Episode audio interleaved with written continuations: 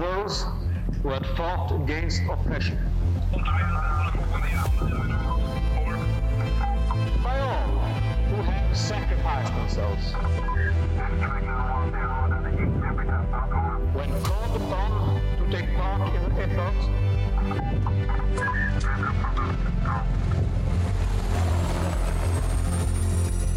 for freedom and peace. Det här är podden Tack för din insats med mig, Filip Kneswitch. Veteran är ett laddat ord. Ett ord som skapar förväntningar och mystik. Utifrån vilket land man lever i, ens historia, erfarenhet, omgivningar, tolkas begreppet veteran på vitt skilda sätt. Jag har träffat många olika människor med minst lika många sätt att se på en veteran. Jag får oftast positiva kommentarer och några frågar om olika insatser eller om mitt yrke.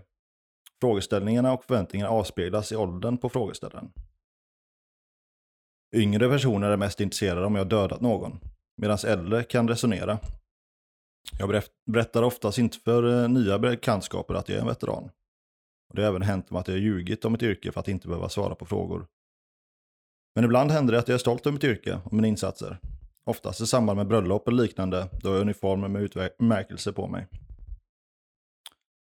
För min del är inte veteran kopplat till mig som individ, utan även till min familj. I mångas ögon är jag en hjälte. Jag har fått höra det ett antal gånger när personer tackat mig för mina insatser. Självklart tar jag tacksamt emot det.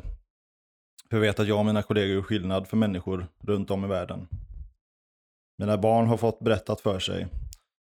Min senaste insats, min senaste tjänstgöring inföll samtidigt som FN-dagen. Att deras pappa var en hjälte. De hjälpte människor. Jag blev absolut rörd när de återberättade detta och blir så än idag. Det är allt annat än glamoröst att jobba i fredens tjänst. Det innebär risker och uppoffringar för min familj och för mig. Vetskapen att mina barn kan mista sin pappa är betydligt mer påkommen under en insats. Min fru eh, och våra nära får ta ett stort arbete hemma. Vi behöver stöd med barnvakt och alla småsaker som många tar för givet. Jag missar delar eh, av mina barns upp, eh, uppväxt. Och, få vara en, eh, och att få vara en pappa och stöd när de behöver det. Då är jag inte där. Men det är jag och min familj. Eh, Det är jag och min familj har offrat och offrar. Får någon annan skörda frukten av. Andra människor som lever sina liv på samma planet men med helt olika förutsättningar. Det är detta som tillsammans betyder något. Det är inte jag som är en hjälte. Det är min fru, mina barn och alla i vår närhet som gör detta möjligt. För mig är det vad en veteran är. Och detta var en eh, liten eh, text som var skriven av en Jimmy Johansson som var utgivet i CSMS eh, bok Uppdrag veteran som jag så snällt fick av eh, en tidigare gäst, Christer Flor. Där finns lite sammanställda berättelser och annat från eh, olika veteraner. Och eh, det är inte Jimmy som jag har här idag som gäst, men det är en annan person som också varit iväg mycket och uppoffrat mycket tid hemifrån för andras skull. Och den gästen är då Magnus Andersson. Välkommen till podden Magnus. Tack så mycket. Ja, du hörde ju ingressen lite här om uppoffringar och eh, tid borta från familjen. Eh, Du har ju varit iväg på fem missioner. Ja. Det blir eh, ganska lång tid hemifrån Sverige. Ja, det gör det, men för mig, jag har inte haft någon flickvän eller något annat och hade ju inga barn på den tiden. Så för mig var det inte så farligt och jag hade inga problem egentligen med att vara borta. Nej, men eh, du har ändå, du har ändå varit iväg lite då och eh, haft tid på annan plats än hemorten i alla fall. ja, det har jag ju definitivt. Ja, det har ju blivit några år. Ja, och vi ska gå in lite på det. Det är ju lite spännande. Det är ju lite Libanon framförallt du har varit i. Ja, fyra bataljoner i Libanon och en i Bosnien. Ja, och det, det blir lite spännande. Vi har inte haft eh, så mycket Libanon-snack här på podden än. Så att, Mm. det blir väldigt intressant att höra hur, hur, hur det var. Du var ju där under lite olika tider också. Ja, det har jag, jag rekade ju över en gång så då gjorde jag ju två bataljoner efter varandra. Men eh, det är ju tre omgångar jag har varit nere. Eh, ja, det förändras väl inte så mycket i landet under tiden, men eh, ja, en del. lite olika var det. Jag gjorde ju då 91 som var den första som Sverige tog över efter eh, fransmännen på eh, eh den här logistiken, Swedlog. Och jag låg ju på Ingenjörskompaniet och det gjorde jag alla mina fyra bataljoner i Libanon. Eh, så vi låg för oss själva och blev vår egen lilla ja, enklav där i. Frånskild från de andra svenskarna. På gott och ont. Ja, och eh, för du gjorde ju värnplikten också som Ja. eh, ingenjör? Det var det. Jag var ingenjörssoldat och låg på Ing 2 i Eksjö. Mm.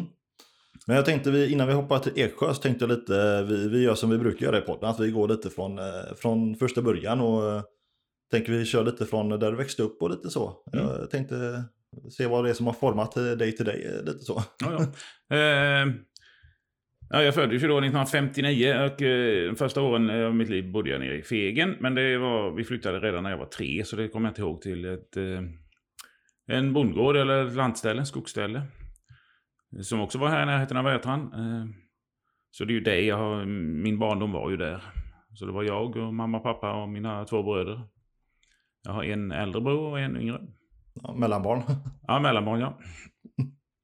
Så det var en... Eh, pappa jobbade ju främst med skogsbruk, sågverk och lite jordbruk också. Eh, mamma var lärarinna. Det var inte så vanligt så att eh, mammorna jobbade på den tiden. Men hon har jobbat i princip hela tiden. Eh, så då hade vi hembiträde som fanns på den tiden. Jaha. Mm. Ju lite konstigt nu men... eh, ja, så var det på den tiden ibland. För oss. Men eh, var hon en lärarinna i, eh, i närorten då? Ja. Ja. Eh, främst i Fegen då och eh, sen även i Gällared. Mm. Så finns det ju skola här i Äta men den fanns ju inte på den tiden. Hon, den byggdes när hon var aktiv och eh, jag tror hon var där ett år eller någonting sånt bara. Och ehm, skogsbruket, var, var det så att ni bröderna fick bli involverade i att hjälpa farsan där då på somrarna? Och... en del ja. Det hände och, både med jordbruk och sågverk och spikade fiskarlådor till exempel. Det var ju ett känt sätt att tjäna lite pengar. Var jag kod på att spika, det var ju inte min grej riktigt så. Men det var ju ändå, ja. ja. Man gjorde det ibland. Och var det några sporter och så som ni höll på med? Nej, jag har aldrig varit den där sportiga. Jag har provat lite grann med fotboll och sånt, men jag, det var inte min grej riktigt. Det är skönt att höra att man inte är ensam där då. Nej, men just det här med eh, sporter eller eh, aktiviteter överhuvudtaget där man blir, eh, måste boka in sig på tider och vecka för vecka och sånt. Det har jag lite svårt för. Det beror på vad det är, men eh, helst inte. Nej, jag har sagt, jag är själv... eh, Jag, försökte lite med sporten när jag var yngre så, men eh, jag tror badminton var det som höll sig längst. Så jag var typ Mm. två år då kanske. Eh, Mm, ja. Men eh, många av grabbarna var ju alltid, fot- fotboll var stort och handboll var väldigt stort när jag växte upp. Jaha, ja, ja, nej, fotboll spelar de en hel del här. Ja, jag testade ju det, men jag var ju rickkass alltså. Ja, ja. jag insåg ju det ganska fort. men bröderna, var de eh, likadana eller? Eh, ungefär ja. Eh, inte så mycket. Min eh, äldre bror körde motocross. Eh, han höll på med det några år. Mm, ja, hobbynivå om man säger så. Eh, och motorcyklar har ju varit mitt största intresse då sen när jag blev så pass gammal. Så, Jag vill säga, vad, vad gör man eh, ute på landet om att, eh, liksom när man, ja vissa är ju så, de viger ju livet i sporten. Liksom, eller det Ja. vara. Men vad, hittar man på hyss då? Eller? ja, hyss vet jag inte så mycket. Jo, det förekom väl. Vi var väl inte så där. Jag och min äldre bror, det skiljer bara två år. Vi var väl inte alls så snälla mot lillebror som var fem år yngre. Eh, det behöver jag inte gå in på här. Jag behöver inte ta några detaljer om det. Men för vi blev ju liksom mer eh, han och jag. Och så blev lillbrorsan var ju så pass mycket yngre. Eh, men på den tiden, ja det var ju långt före eh, digitala eran. Och eh, jag minns ju när vi skaffade tv hemma, det var nog 1964. Och innan dess fanns det ju bara radio.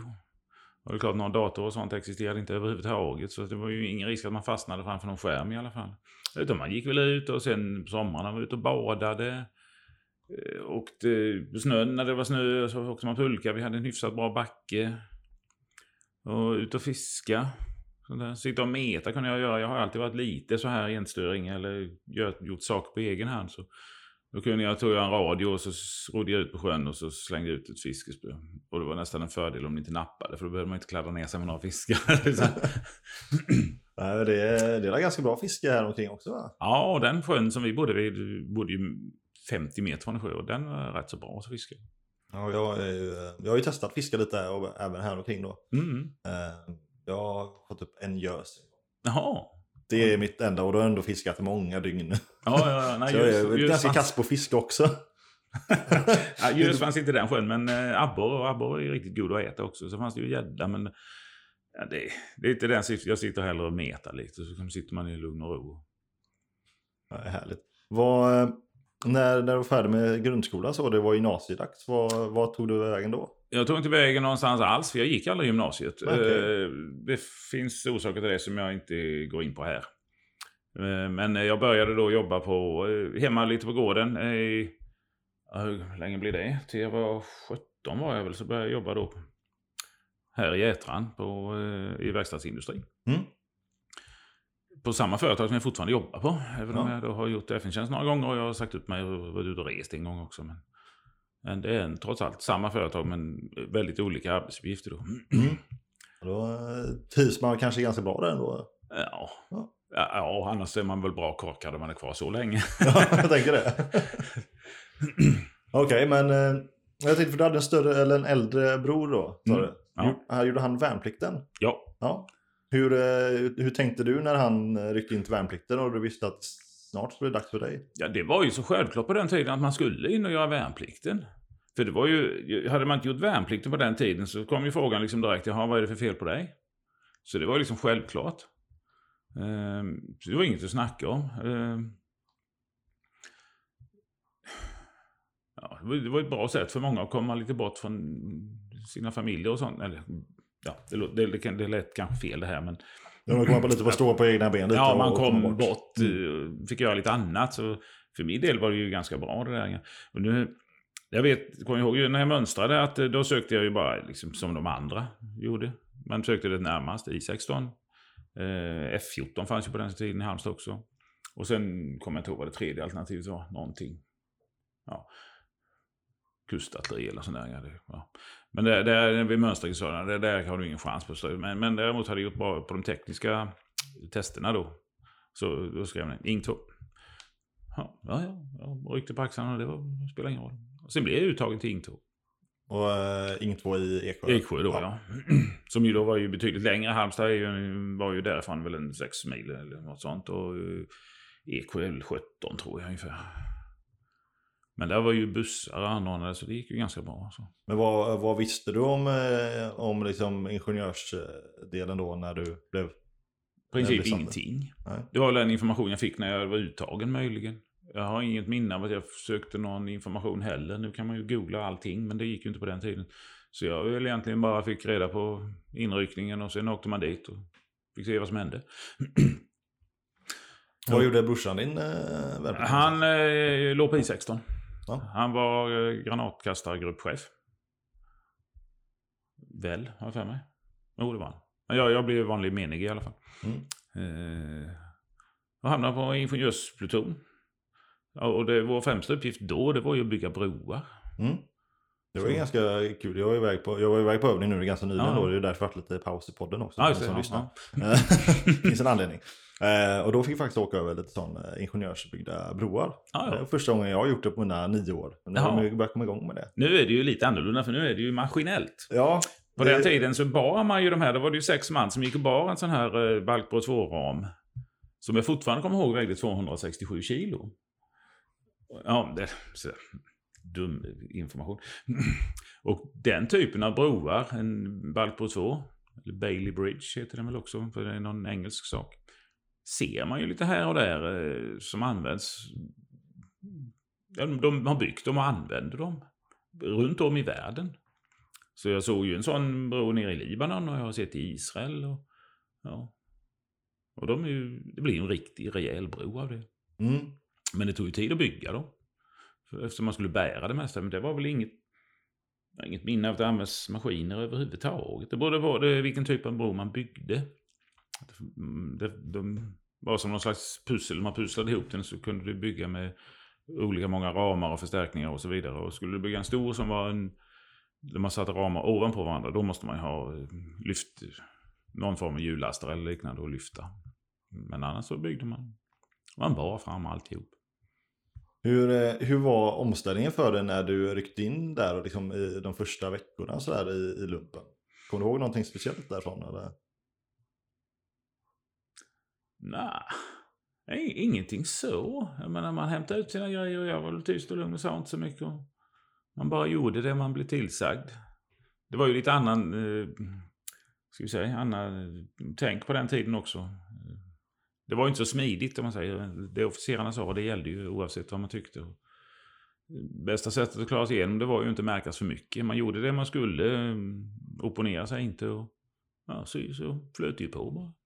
Så det gick ju bra. Men du, du känner ändå någorlunda motiverad när du var där? Och... Ja, Ja. Eh, jag trivdes ju med det livet. Ja, det sägs ju nästan självt, för annars hade jag ju inte fortsatt någonting i det militära. Nej, så är det. Annars, på den tiden hörde det ju till att man bara skulle tycka att lumpen var något fruktansvärt och hemskt och sådär. Ja. Ja, för du gjorde det 1900, vad sa vi? Ja, 78 till 78. 79. Ja. Så att eh, om jag råkade vid något tillfälle säga någonting om att jo, det var väl visst meningen att man gjorde det här och det var bra med försvaret och så vidare. Och då blev man ju utnämnd till stridis ganska omgående. och då det var jag ändå inte så engagerad. Men eh, så det var lite sådär, man skulle helt enkelt tycka att det var pest och pina. Och så illa var det inte. Så jag kände det var 12 kronor om dagen på den tiden. Men alltså hade jag bara fått lön så liksom, kunde jag ju fortsatt med det eh, istället för mitt vanliga jobb. Ja, ändå så pass, eh, då tyckte du ändå att det var bra? Ja, då, ja då, man var ute i skog och mark och ibland var det kallt och så var det blött och så. Ja, jag är, ja, jag är som sagt, jag är, jag är ju fortfarande tidvis då. Och jag, Mm. Det är ju för att jag trivs ju faktiskt med det, men eh, sagt, jag, jag trivs ännu bättre med brandkåren då. Ja, ja, Så, ja. I min huvudsyssla, men, men jag har ju varit inne och hjälpt till lite extra, mer än vad som är. Mm, liksom, begärt av mig. Mm. Och så. Och jag tycker det är väldigt trevligt. Och, mm. Man har hittat sin lilla nisch där. Ja, ja, och skjuta var roligt. Jag, vet, jag tyckte om att vara på skjutbanan. Det var man ju då under första grundutbildningen. Sen blev det ju befattningsutbildning med och då var, ju, var vi inte på skjutbanan längre. Tyvärr tyckte jag. jag Var det k-pisten ni hade då? nej, jag hade Nej. AK4. Ja, det var AK4. Ja. Och det hade du hela tiden sen? eh? Japp. Ja. Vad, Eller ja, hela tiden. Inte under FN-tjänsten, men eh, Nej. sen blev det ju AK5. Men eh, vanliga utbildning, det var AK4. Mm. Och eh, när, själva ingenjörsutbildningen där med brobyggandet och sånt, hur... eh, För du sa att det var lite mer tekniskt, sa du, du gillade lite mer... eh, Ja, det sa de ju. Det var ju något som de faktiskt rekommenderade vid mönstring. Eller han nä- nämnde en av de här mönstringsmänniskorna. Ja, människorna, att jag hade bra på de tekniska testerna. Att jag borde kanske söka mig till någon teknisk utbildning eller något sånt. För att, ja. Eh, det, det visste jag ju lite grann att jag var så. Men sen blev det ingen utbildning på det viset i alla fall. Så. Nej, men själva eh, den värnpliktiga delen då, Mm. tyckte det var... Liksom, var, det, var det en kul utmaning då? Eller? Ja, just brobyggandet var ju mest slät, slit och släp. Men sen var det ju då det här med minor eh, som inte heller var jätteroligt att springa runt med några klumpar. Det var ju inga riktiga minor. Eh, och sprängtjänsten var ju rolig. Dynamit-Harry. Ja, typ. det, det som var tråkigt med det mesta när man sprängde någonting, det var ju att eh, man skulle vara så långt bort så man såg ju aldrig när det small. Ja, jag känner igen det. Ja, Ja, en av de få gånger man faktiskt var ganska nära, det var ju sprängde is. Eh, man gick ut och så, så kopplade ihop alltihopa med pentylstubin och så bara hål i isen eller hacka hål. Och sänkte ner en förutbestämd en, och en, halv, en meter, en och en halv meter under isytan. Och sen brände av alltihopa. Och då var det ju vatten 30-40 meter upp i luften. Alltså en enorm grej. Och då fick vi se det faktiskt. Det var ju roligt. ja jag minns eh, första gången som vi, eller jag i alla fall, gå med då, då hade de en förevisning då uppe, vi var uppe i Älvdalen. Mm. Som har lite sprängförevisningar då, liksom olika minor och andra, andra grejer som säger pang eh, väldigt mycket. Mm. Då, första gången, då fick vi ju stå, eh, jag ska inte säga nära, men ungefär så nära man får inom säkerhetsramen då liksom. Och det var, det var, det var lite fränt, det var lite tryck i ena. Sen eh, efter det så har de eh, flyttat upp oss upp på en kulle och då står man ju typ två kilometer bort. Mm. Man får fortfarande se det men då är det så pass långt bort att du ser smällen och sen kommer ljudet några sekunder senare. Men då är inte riktigt samma fräna effekt där liksom. Nej, det är en annan känsla man kan vara så nära så man känner riktigt hur det dunkar till i bröstet när det smäller. Jag fladdrar lite byxbenen där Ja, liksom. mm. Jag har inte helt lyckat. Det var ju ett helt annat läge när vi sprängde någonting nere i Libanon sen. Men... Ja. Mm. Ja, Jag tänkte, vi ska ju gå för du gör ju värnplikt då som, eh, som ingenjör, ja, eh, ja, vad säger man? Är det pionjär? Nej, ingenjörssoldat. Ingenjörssoldat, Ja. ja. Eh, och när du är färdig med det, vad, vad tänker du då? Hade du, då hade du jobbet? Jobbet hade jag kvar, ja. Ja. Eh, jag var ju intresserad av FN-tjänst. Jag kommer faktiskt inte ihåg när den ska vi säga, eh, idén kom upp. Före jag gjorde värnplikten vet jag, men exakt när kommer jag inte ihåg. Jag vill veta att du, du, när vi pratade lite innan så, Mm. så hade du nämnt någonting om att, eh, att de i lokaltidningen då, eh, att det var soldater som hälsade hem Ja, ibland i det. midsommar och jul och sånt där. Ja. Kan du berätta lite om det? Ja, det, var ju, det kom ju bilder här i Hallands Nyheter som vi har här då. Så eh, fanns det ju bilder då. Och det kan ha varit då jag såg det här lite ska säga, glamorösa äventyrliga, att man var mm, lite häftig. Men hur gammal jag var kommer jag inte ihåg, men det var innan jag gjorde värnplikten i alla fall. Eh, och så jag sökte ju FN-tjänst redan under värnplikten. Eh, då fanns det ju Sinai och Cypern. Och sen sökte jag väl någon gång till.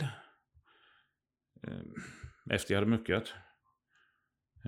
Och kom ju inte med. Sen, sen låg det väl på is lite grann. Det- så då fanns det ändå ett ganska stort driv omgående då liksom. Ja, ja, ja. Oh, ja. Jag vet, jag hade, jag hade sådana halvtidssamtal och jag frågade direkt om eh, betygen. Och det var ju just med tanke på det, att jag skulle få tillräckligt bra betyg för att kunna söka. Hur sökte man tjänsterna då? Var det via Arbetsförmedlingen? Ja. Ja. Ja, inte när man gjorde värnplikten för då eh, sökte man ju på förbandet. Mm. Men eh, sen var det ju, det gick ut eh, annonser i tidningen som stod att nu var det dags att söka till detta och detta. Och ringde man och så fick man hem ansökningsblanketter. Och så fyllde i och skickade in. Och eh, hur lång tid tog det innan du fick åka iväg då på eh, din första mission? Ja, det tog ju några år. Det var ju så att jag, nu sökte jag ju inte allt, men eh, sen i och med att det blev klart att Sverige skulle ta över efter fransmännen i Libanon på eh, logistiken så gick de direkt ut och eh, sa att de sökte vissa befattningar, bland annat då ingenjörssoldat. Soldater behövdes ju. Och det liksom, hmm. Så då var jag ju snabbt på det och, och fixade papper och skickade in. Och blev faktiskt antagen. För de sökte ju då till en ingenjörspluton och det var ju främst då minröjning, eh, armröjning det handlade om där. Och eh, hur såg hemmasituationen ut då när du, alltså hur, hur gammal var du? Ja, eh, ska vi det var ju 86, jag måste ju ha varit 26 va? Ja, om du Ja, född- 26 eller 27 hann jag kanske bli. Eh, jag bodde ju fortfarande kvar i föräldrahemmet. Där har ju gott om plats, ett jättestort hus. Hur reagerar föräldrarna på det då? Ja, min pappa sa i vanlig ordning i stort sett ingenting om det. Det var liksom, mm. Ja. Vår kontakt var väl inte den bästa, alltid. Eh, men mamma var ju i, var ju måttligt begeistrad om man säger. För att eh, det var ju nöje, så, så, satt och såg på tvn om det var eh, var svenskarna de skulle vara och så extra utsatta är de då som ska ligga på Svenska Ingenjörskompaniet i Chevaja som det heter. Ja, och vad jag skulle, ja, det var ju dit jag skulle. Och det var, det var ju inte populärt.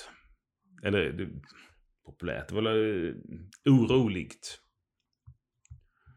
Så det var ju inte helt positivt. Sen var de ju, åtminstone hon, säkert stolt över att jag fick den här chansen. För det var ju samtidigt någonting fint att få bli FN-soldat. För då krävdes det ju att du hade eh, fläckfritt förflutet så att säga. Och mm, har gjort bra ifrån dig och var godkänd. Mm. Lite som en, eh, en bra stämpel där då. Ja visst, visst. Ja. Det, det var det definitivt. Men, eh, för du hade ju sökt lite innan och inte kommit in. eh, Visst, visste din mamma om det då? Eller hade du liksom Nä. tänkt att du väntar med det tills... Det var nog högst tveksamt om jag informerade om det. Det fanns liksom ingen anledning. Jag menar, söker du och du inte blir antagen så vet den som inte vet stör ju inte. Och just den här första Libanon gick ju ganska snabbt också. Jag kommer inte ihåg när jag sökte. Jo, jag sökte nog ungefär mitt i sommaren någon gång. Eh, och sen var det ju utbildning redan i oktober någonting. Och jag åkte hem i, eller oktober, november någonting. Sen åkte jag ner i, precis i början på december. Så det var ju betydligt kortare tid än det normalt var. Eh, annars var det väl ungefär ett halvår tror jag. Från det man sökte till det man väl åkte. Men var det någon utbildning inför Ja, det var två veckors utbildning på, i Almnäs, Södertälje. Inget låg ju där på den tiden. Och vad, vad gjorde ni då? Eller vad var det var ju eh, lite av varje. eh, Med minsökare som jag aldrig hade använt innan. eh, Och sen lite marschera och allmänt vaktombyte höll vi på och tragglade med. Fullständigt meningslöst. Men det var ju en sån här Cypern-grej för då hade de lite mer tid att hålla på med sån här ja, puts och studs och exercis. Ehm, och så, det var väl även, jag vet just den gången var det en ganska bra genomgång av det här kulturella skillnader. Bättre än vad som hände på de senare bataljonerna faktiskt. Det kan låta konstigt. Med eh, lite hur man beter sig. Eh, ja, sådana saker. Med, ja, hur det fungerar helt enkelt. Jag menar, blir du bjuden på te så då kommer de fylla på en att du, så länge du tömmer i glaset brukar det vara. Utan då lämnar du lite grann och när du är färdig. Men här gör man ju aldrig så. Det är ofint att lämna. Det är precis tvärtom. Och även det här med att använda höger och vänster hand. I Libanon var inte så känsligt, men det kan det ju vara. Va? Vänsterhand är ju den orena handen. Ja, nej, för jag vet att många som åkte iväg i fall till Afghanistan-missionerna och sånt så har ju sagt att de har fått en gedigen utbildning just det där med mm. kulturella och historiska bakgrunder och sånt. Så det är ju intressant att höra att det ändå fanns en sån tanke redan då. Ja, oh ja det fanns det. Varför det fungerade så pass bra på den första Libanon-missionen och sämre på de efteråt. Nu kan jag bara tala om för dem jag har varit på, men eh, det är konstigt faktiskt, för det borde ju bli bättre och bättre egentligen.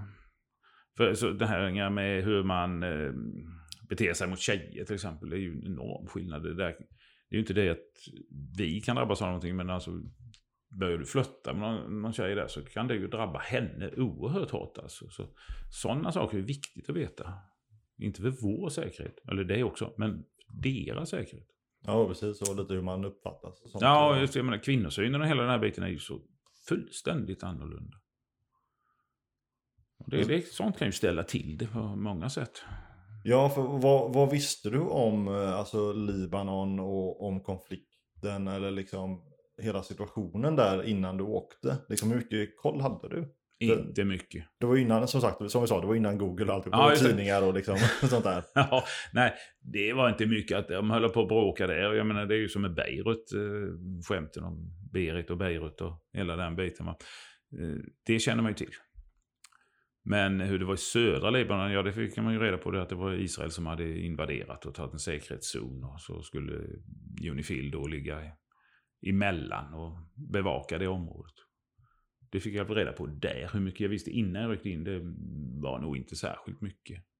Så det var lite ute i, ute i ett äventyr, eh, lite blind eh, då nästan ute i... Ja, ja.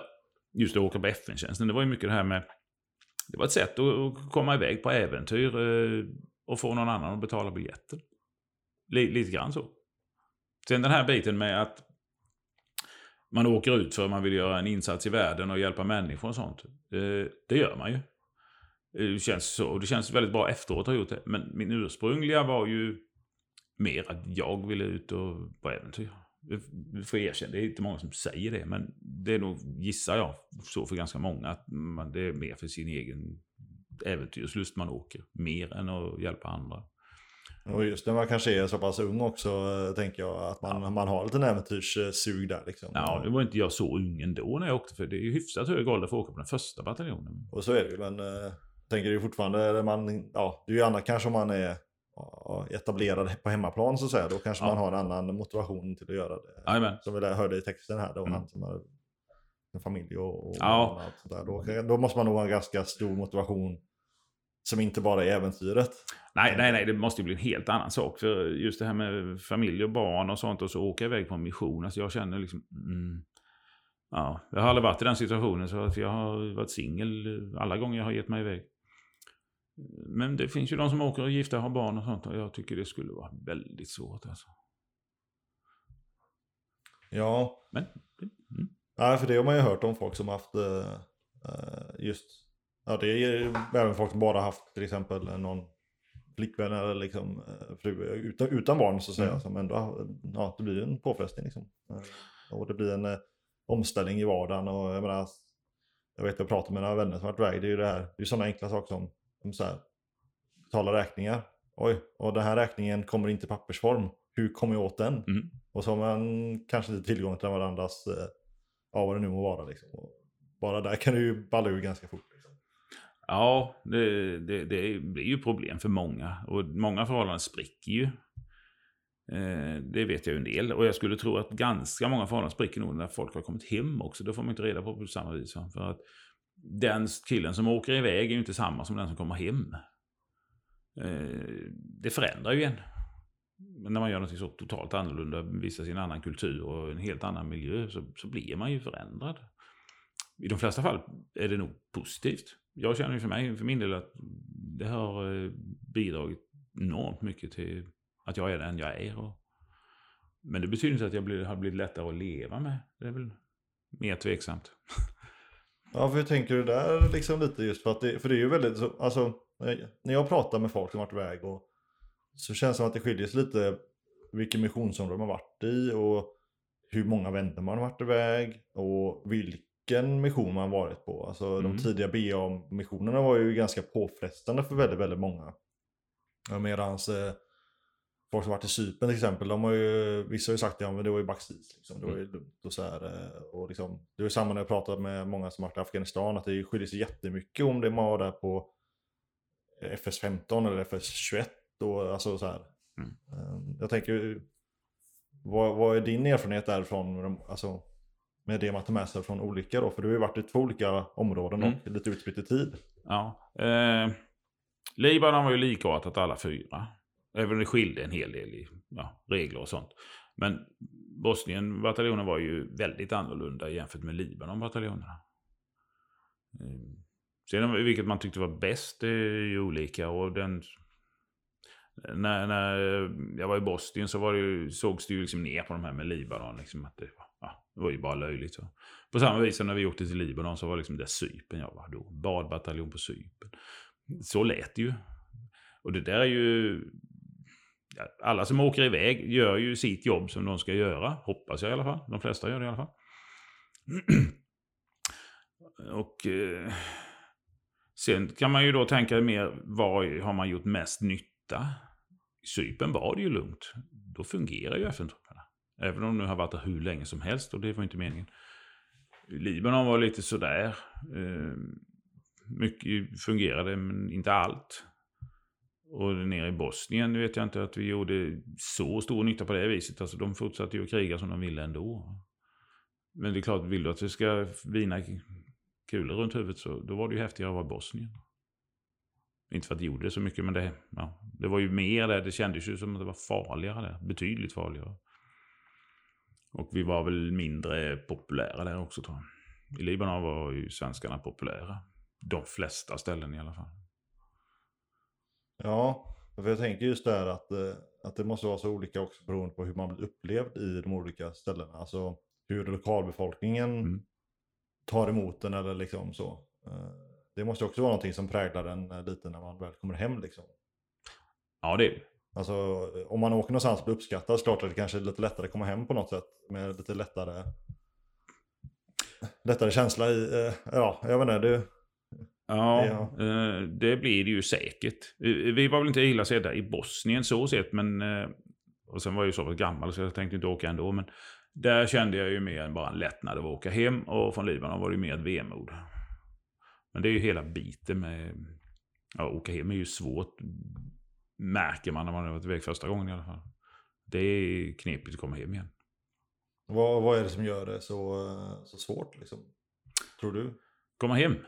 Ja, att liksom åka, att åka hem. åka hem igen. Det är ju många som ofta åker på flera missioner och vill reka över och sådär. Ja, man blir ju eh, påverkad. Det livet är ju väldigt, väldigt speciellt. Du lever väldigt tätt in på andra. Eh, I Libanon, eh, det bodde jag i Ingladan som vi kallade det. Vi var väl typ 12-14 man i samma barack. Väldigt tätt in på varandra hela, hela tiden. Du, du har alltid någon att prata med som har varit med om samma saker. Skulle du vakna mitt i natten och känna att du ville prata med någon så hade du bara kunnat gå ner till vakten för de satt ju där ändå. Det gjorde jag aldrig men man skulle kunna göra det. Sen kommer man hem och stänger dörren. Och då blir det tyst. Det är ingen där runt omkring en som har varit med om samma sak.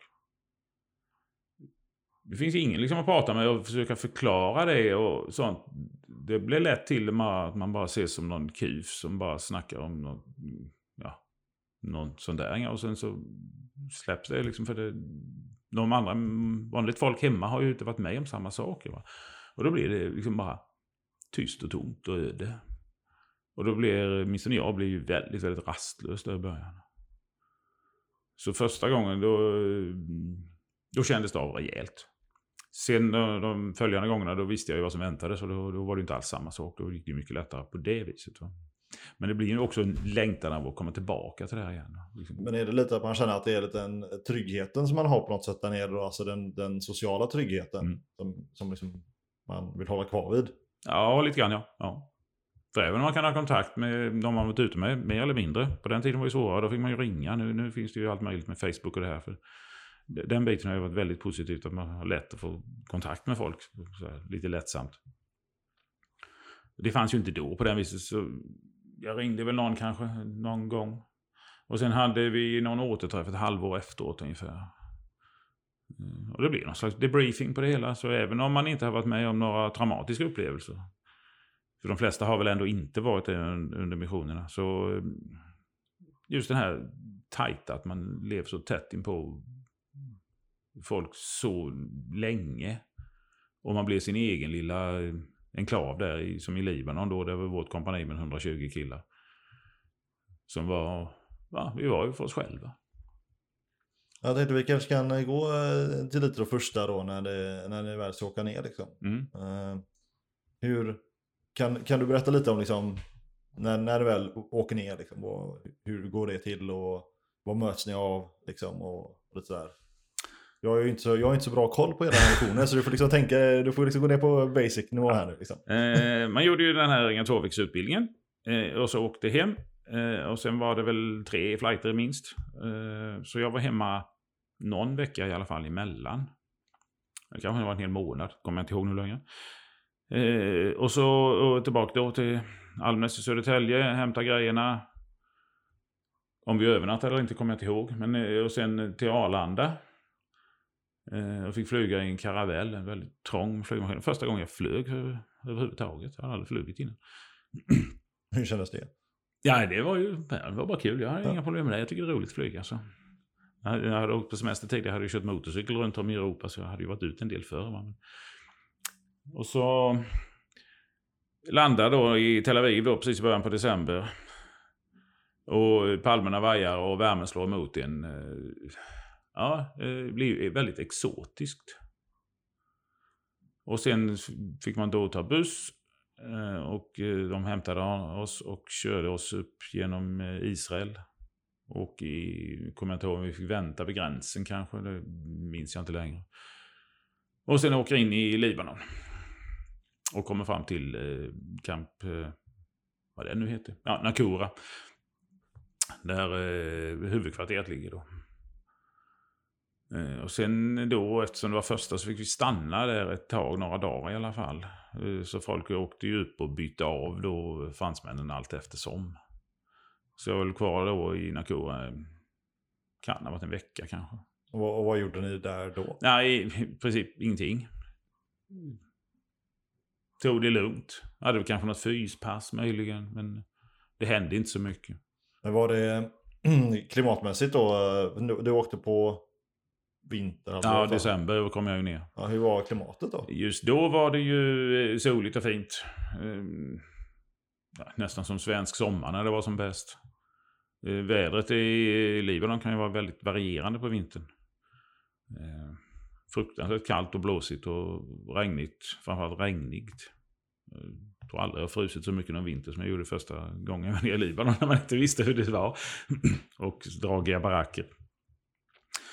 Så efter några dagar där så åkte vi upp till kompaniet och fick uh, typ leta upp någonstans och sova bara för det var ju inte bestämt eftersom fransmännen hade kvar lite bitar av kampen och vi hade lite så då sov man lite där det passade just de nätterna i början. Hur mycket träffade ni fransmännen då? Eh, en del. Men det är ju kommunikationsproblem. Min franska är ju ganska ja, noll. Och fransmännen pratar ju oftast ingen engelska. Så det är inte mycket. Lite handeltecken då? Ja, om det behövdes någonting. Nästan så ja. Nej, men lite grann var det ju. Man tittade på vad de hade för grejer och sånt där. Alltså. Och sen gick det ju några dagar och sen lämnade de ju över eh, och åkte därifrån. Och sen hade väl den här reken, eh, ursprungliga reken varit lite sådär halvdålig minst sagt. Fransmännen hade oerhört mycket vakter för att de hade ju blivit illa utsatta. Det hade hänt en del grejer. Så att de hade blivit påskjutna och sånt där. Så de hade ju vakter överallt runt hela kampen och vi hade ju inte personal till det egentligen. Så då gick vi, eh, från ingenjörspluton fick vi gå vakt bara.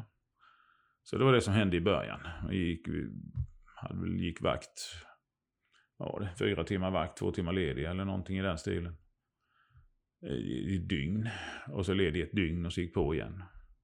Eh, hur, hur kändes det då när, alltså, när du väl kom ner dit då? Liksom, och man började, ni började komma på plats?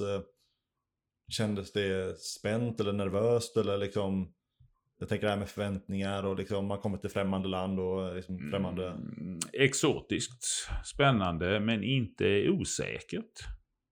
Så kände jag det nog inte alls då vad jag kommer ihåg. Det kändes hyfsat tryggt ändå. Alltså. Det, för det, det hände liksom bara ingenting. Det gick bra. Och eh, när fransmännen väl lämnat helt, eller för de lämnade helt? Ja, nästan. Det fanns någon French log kvar, men riktigt vad de gjorde det vet jag inte. Innan var det ju French log hela rasket och sen blev det Swede log, men det var fortfarande fransmän kvar om det var på Håkut nere i Nakura. Har dålig koll på det, hur det fungerade. Det fanns fransmän när vi var nere också. Ja, men det var inte så många i alla fall. Nej, Nej. betydligt färre. Och eh, vad blev då er uppgift sen när ni liksom väl mer tagit över? Det vi började med främst det var ju att försöka göra i ordning kampen och bygga till och ordna. Mm, med skyddsrum och baracker och toaletter och sånt där. Det var ganska så eftersatt eh, underhållet på det mesta. Och det är klart, visste de att de skulle åka hem, sen gjorde de väl ingenting längre. Men fransmännen, vet du om de var ingenjörer eller något sånt? Det var väl ett ingenjörskompani, ja. ja. Mm.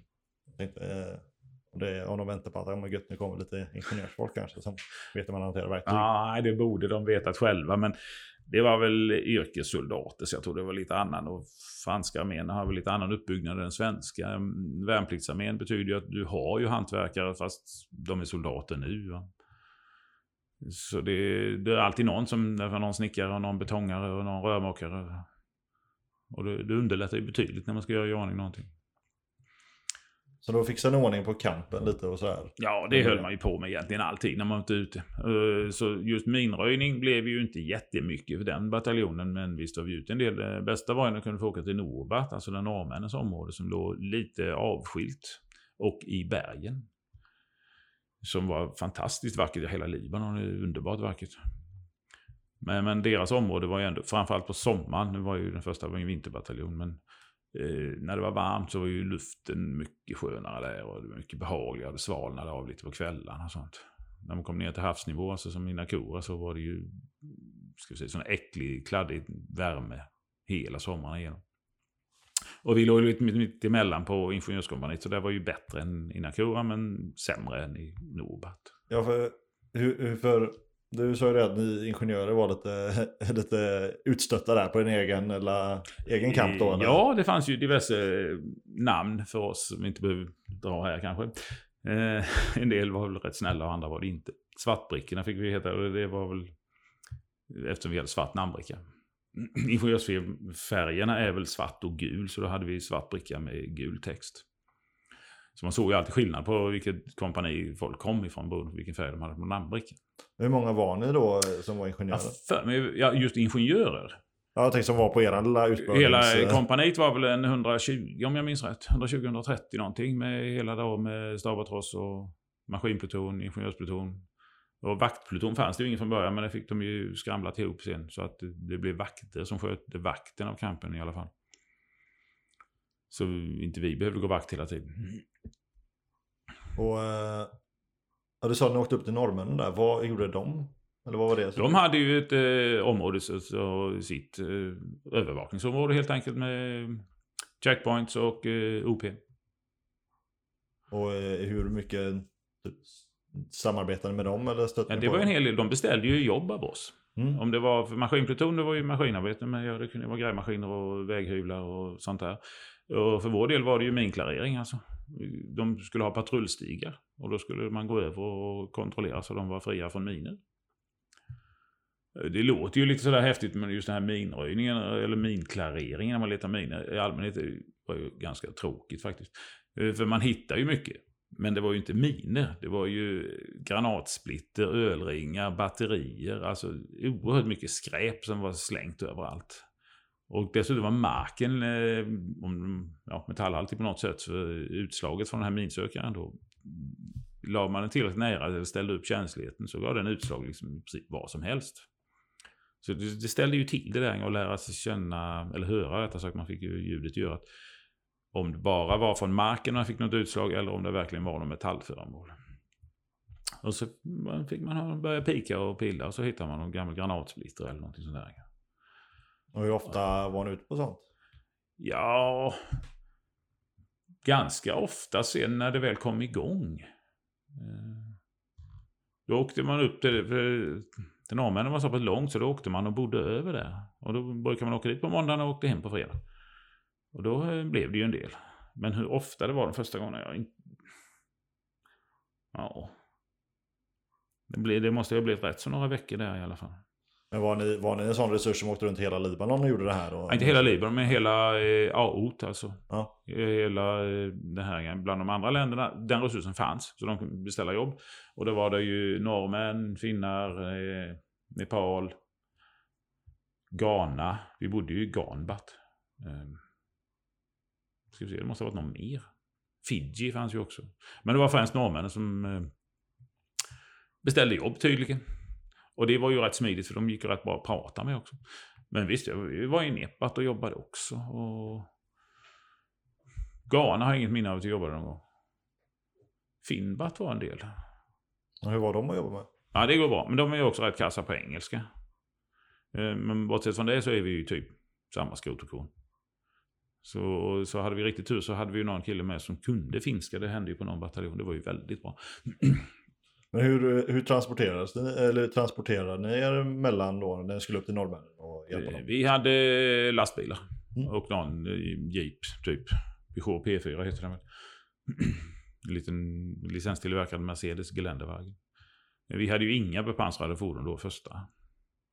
Utan eh, den delen, eh, när vi skulle till norrmännen så var det en del som var utanför AOT, eller vad ska jag säga, det var Ja, man körde utanför AOT för deras var lite egen, låg lite bredvid det andra. Och då skulle man ha eh, eskort där igenom. Så fick man vänta ut, så kom norrmännen och så följde. Och de hade väl Sisu-vagnar. Patria säger man väl numera. Men alltså det var, då kändes, eller var det, var det att ni var så nyetablerade eller var det att man uppfattade hotläget som så pass lågt? Ja, i och med att man åkte utanför AOT så hade man eskort. Men jag tänkte just med eran, alltså era fordons... Eh, ja, vi fick inte köra igenom utan att ha i skotten. Ah, okej, okay, okay. Eh, ja, du menar det här att vi inte hade några pansrade fordon? Ja, precis. Ja, men det var ju någon sån här svensk mesighetsvariant med att man ska inte provocera eller någon sån här som jag tycker är rena dumheterna. För jag menar, har de väl börjat kriga ett land, vad ska du provocera fram då? Att de skjuter två skott istället för ett? Eh, det, så. så, men sen kom det ju ner på tror det var 94, alltså efter ungefär ett år senare. Eh, bataljonsnummer där är ju lite knepiga för det var ju 91 jag låg på först där och sen blev det 92 och sen gick det jämna nummer 94, 96 och 98 och så vidare. Och jag tror det kom ner på 94. Så det kom, köptes väl in fyra finska sysuvagnar. Två av dem var stationerade på vårt kompani och två låg nere i Nakura. Så då hade man ju dem att åka istället. Så då hade man ju splitterskydd i alla fall. Varför? Vi, du rekade ju över från ammunition. Var det från första till andra? Nej, det var Nej. från eh, andra till tredje. Okej, okay, så för, för du var nere då vintern till sommaren då, 86, mm. 87 på första? Ja, jajamän. ja. Och sen så, hur var det när ni skulle åka hemåt? Alltså, var, hur, tänkte du på någonting med att du ville reka över då eller? Nej, jag vill ju hem till den svenska sommaren. Jag, jag, mitt största intresse har ju, eller ett av de största i alla fall, det är ju att vara ute och åka motorcykel och ja, sådana grejer. Och då var det ju liksom svenska sommaren ska man vara hemma Jag vill inte åka. Det sa jag ju till en kille där också. Liksom, nej, ska inte sommaren över att nej, fan man ska ju hem till den svenska sommaren. och sen när jag väl hade kommit hem eh, så gick det ju ganska precis ett år innan jag kom iväg igen då nästa. Och det lilla lustiga var ju att till den eh, utbildningen för 96an så var, det ju, så var ju den killen där och hjälpte till vid utbildningen. Och han kom ihåg det här. Jaha, var det inte du som skulle vara hemma på den svenska sommaren, säger han då. Och jag liksom bara skiter i den svenska sommaren, bara jag får åka igen. Alltså det var så pass du kände då? Ja, ja, ja, det var ju liksom... Eh... Upple hur upplevde du när du kom hem då liksom? Eh, till sommaren där då, 80, vad sa vi? 87. 87. Ja. Alltså hur upplevde du mottagandet? Upplevde du liksom att ställa om till det civila eller vanliga livet igen? Jag hade ju jobb att gå till så det var ju ingen fara så sett. Men det blir en väldigt stor omställning. Jag vet på den tiden fanns det ett litet hotell här i byn i Edstrand. Eh, och när det väl blev en fredag eller lördag jag åkte dit. Jag stack dit och tog en öl eller någonting sånt. Det hände ju innan. Och det gjorde jag väl strax efter jag hade kommit hem. Och går in där och, och får känslan när man kommit in och börjat prata lite med dem som ofta satt där. Att känslan var att jag hade gått på toaletten och kommit tillbaka igen. Det hade inte hänt någonting där. Alla pratade om samma saker, precis exakt som innan. Det var liksom, ingenting hade hänt. Och under den tiden har jag då varit ett halvår i Libanon och jag har rest runt. Jag har varit på Cypern, jag har varit i Egypten och nere i Israel och jag har ju en enorm massa grejer. Och då blev man bara liksom bara... Oh, bara jag kommer iväg på någonting igen. Vad som helst alltså. Men var det att du upplevde att, att ingenting hände där hemma eller att du kände att det har hänt så mycket i ditt liv men att... Kombination. Ja. Här hade inte hänt någonting. Alla pratade om samma sak som innan. Allting var precis som det brukade. Och själv har man då förändrats genom alla enorma massa upplevelser egentligen. Alltså. Men eh, var ni, när det var nere på första där, hade permission och sånt då? Ja, vi hade ju tre veckors liv. Mm. Uh, det var hyfsat lätt. Där kunde man lägga in om liv och så kunde, åkte man ner till via Israel var det alltid då. Så kunde man ju ta sig egentligen vart man ville därifrån. Och så fanns det organiserade resor så att... Uh, ja, dels fanns det en prästaresa, Vä väldigt bra grej. uh, fältprästen höll i en tre dagars, fyra dagars resa någonting. Och då åkte man ju till de här Jerusalem och Nasaret och ja, en del av de här heliga ställena. Det var ju jättebra för då fick man se den här kulturella delen som skulle kännas som viktigt att ha sett liksom, när man ändå var där. Så då kunde man ju strunta i det de man, påföljande gångerna man åkte ner till Israel för då kunde man ju fästa till det lite istället. Så då... Men fick ni välja, var det tvungen att ta all, alla tre veckor på en gång eller kunde du liksom Nej, ta lite på en på? man sökte. Ja. Det var bara att det fick ju inte vara för väg för många samtidigt. Mm. Så det var vissa perioder, naturligtvis var det populära då över juluppehållet till exempel. För då var ju de här UN Holidays, de räknades ju inte. Så då blir det mycket längre ledighet. Men jag har ju aldrig varit så mycket för att fira jul. Eller aldrig, inte sen jag blev hyfsat vuxen i alla fall. Eh, så för min del var det ju inte en chans. Jag vill absolut inte åka hem över jul. Tvärtom snarare. Det gällde även sen när jag var iväg. Att det kunde jag vara utan. Eh, så jag hade någon gång fram i februari tror jag, jag och en kille vi åkte iväg. Så vi var i Egypten och så var vi i Elat nere i Israel och i Tel Aviv. Vad, vad, Ja, jag antar att det var ganska mycket partaj och sådär men mm. eh, var det liksom Var det bara det eller var det Du nämnde prästaresan där men Ja den var ju kulturell alltså det var ju seriöst och när vi åkte till Kairo så var det ju ute och titta på pyramiderna naturligtvis och kollade sånt och var med på en busstur som gick till diverse ställen så det var inte bara festande. Nej, för det, låter, det låter ju väldigt exotiskt då för, för mig då som inte varit iväg och så här, mm. men eh, liksom just att kunna åka iväg och, och för många från min generation som jag pratat med, som har varit typ Afghanistan och Mali, de har ju liksom, när deras permissioner har varit så har det ju ofta varit att man åker hem. Liksom. Mm. Man åker hem till Sverige och så tar man mm. liksom en vecka hemma. Mm. Vad det nu må vara. Det låter så exotiskt och så intressant att kunna åka iväg till ja, närområdet eller vad man nu ska säga då. Det är ändå ja, rimligt närområde. Mm. Och liksom uppleva allt det som finns att uppleva. Mm. Det var en väldigt eh, fräck grej. Ja, eh, det var det ju också. Och i, som i Libanon kunde vi åka till Tyr. Där finns ju massa gamla lämningar. Och eh, det tittar man på. Sen finns det ju hela den området av världen finns ju mängder med lämningar. Och sen beror det på hur historiskt intresserad man är. Eh, jag går gärna och tittar på en del sånt. Men ofta är ju historien bakom viktigare än det man ser. Jag menar, en sten kan ju vara intressant för någon som är historiskt intresserad bara för att det har stått en viss kung på den. Va? Man säger så. Va? För någon annan är det bara en sten precis som alla andra. Eh, så det beror på sådana grejer. Va? Men eh, hela den... Eh, att det är annorlunda. Städerna, affärer, allting är ju annorlunda. Så det är ju inte bara fest och hålligång, långt därifrån.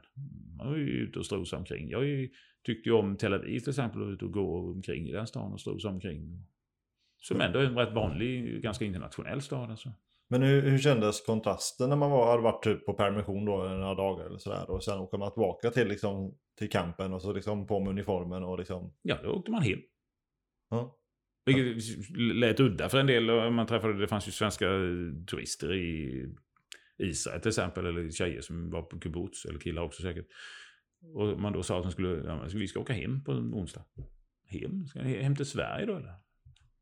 Nej, det var det Vi skulle tillbaka till Libanon för det var ju hem. Det var ju hem då. Och det, det kändes som att komma hem igen och sen satte man igång igen. Så jag tänk, för jag tänker just där kontrasten mellan lite nästan semester och sen en ändå väpnad tjänst, liksom, eller en, en militär tjänst. Liksom. Ja, men det kändes inget konstigt så sett. Man bara krängde på sig uniformen och tog vapnet igen. Så. Det var, ja. Ja, det är spännande.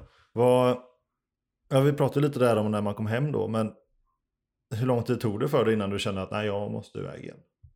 När du väl hade kommit hem och alla satt och snackade om samma sak? Och... Ja, det var ganska snart. Eh, jag kommer ihåg just att jag var på någon fest, det var nog fram på höstkanten.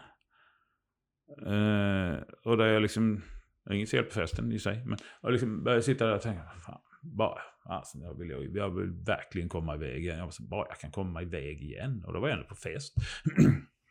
För det fanns ändå den här tanken att jag, fast jag kan göra nästan vad som helst. Jag menar, åkte Marseille och sökte värvning i Främlingslegionen eller vad som helst. Vilket inte hade varit någon bra idé.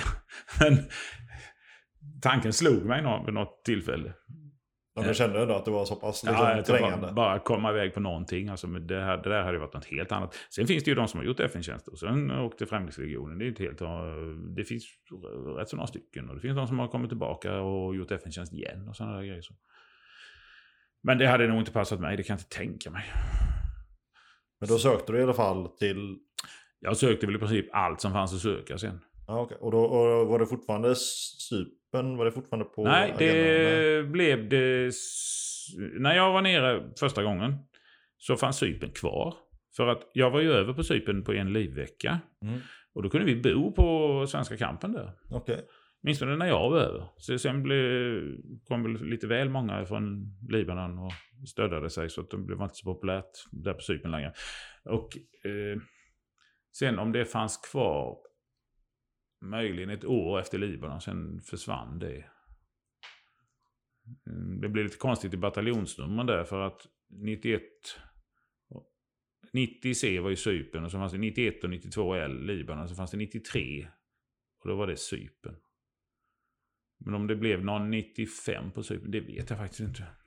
Men eh, vad fanns det söka på för utlandsmissioner då? Liksom, med eh, då till Libanon var väl bara Libanon vad jag kommer ihåg nu.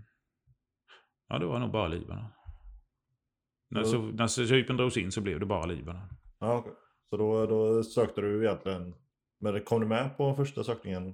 Eh, ja, jag kan ju inte ha nu ska vi se här. Nej, jag kanske sökte redan till 94, alltså nästa vinter. Så om jag gjorde det så kom jag inte med i så fall. Men sen kom jag ju med då till eh, sommaren 88. Måste det ha blivit då ja. Och när åkte ni ner då? I maj har jag för mig. Då måste det varit en annan eh, temperatur och klimat? Eller? Ja, det blev det ju verkligen.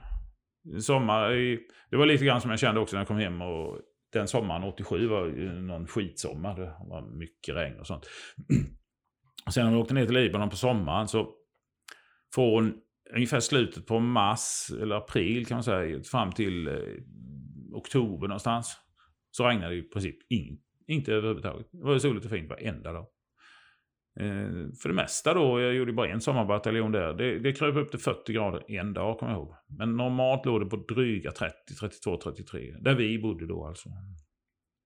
Vilket man vänjer sig vid ganska snabbt. Alltså, det är också sådana gamla minnen liksom kommer ihåg. Fan, det känns lite svalt idag. Så gå och titta på termometern. Det var 29 grader. Ja, uh, ja mm. det var någon grad svalare i alla fall.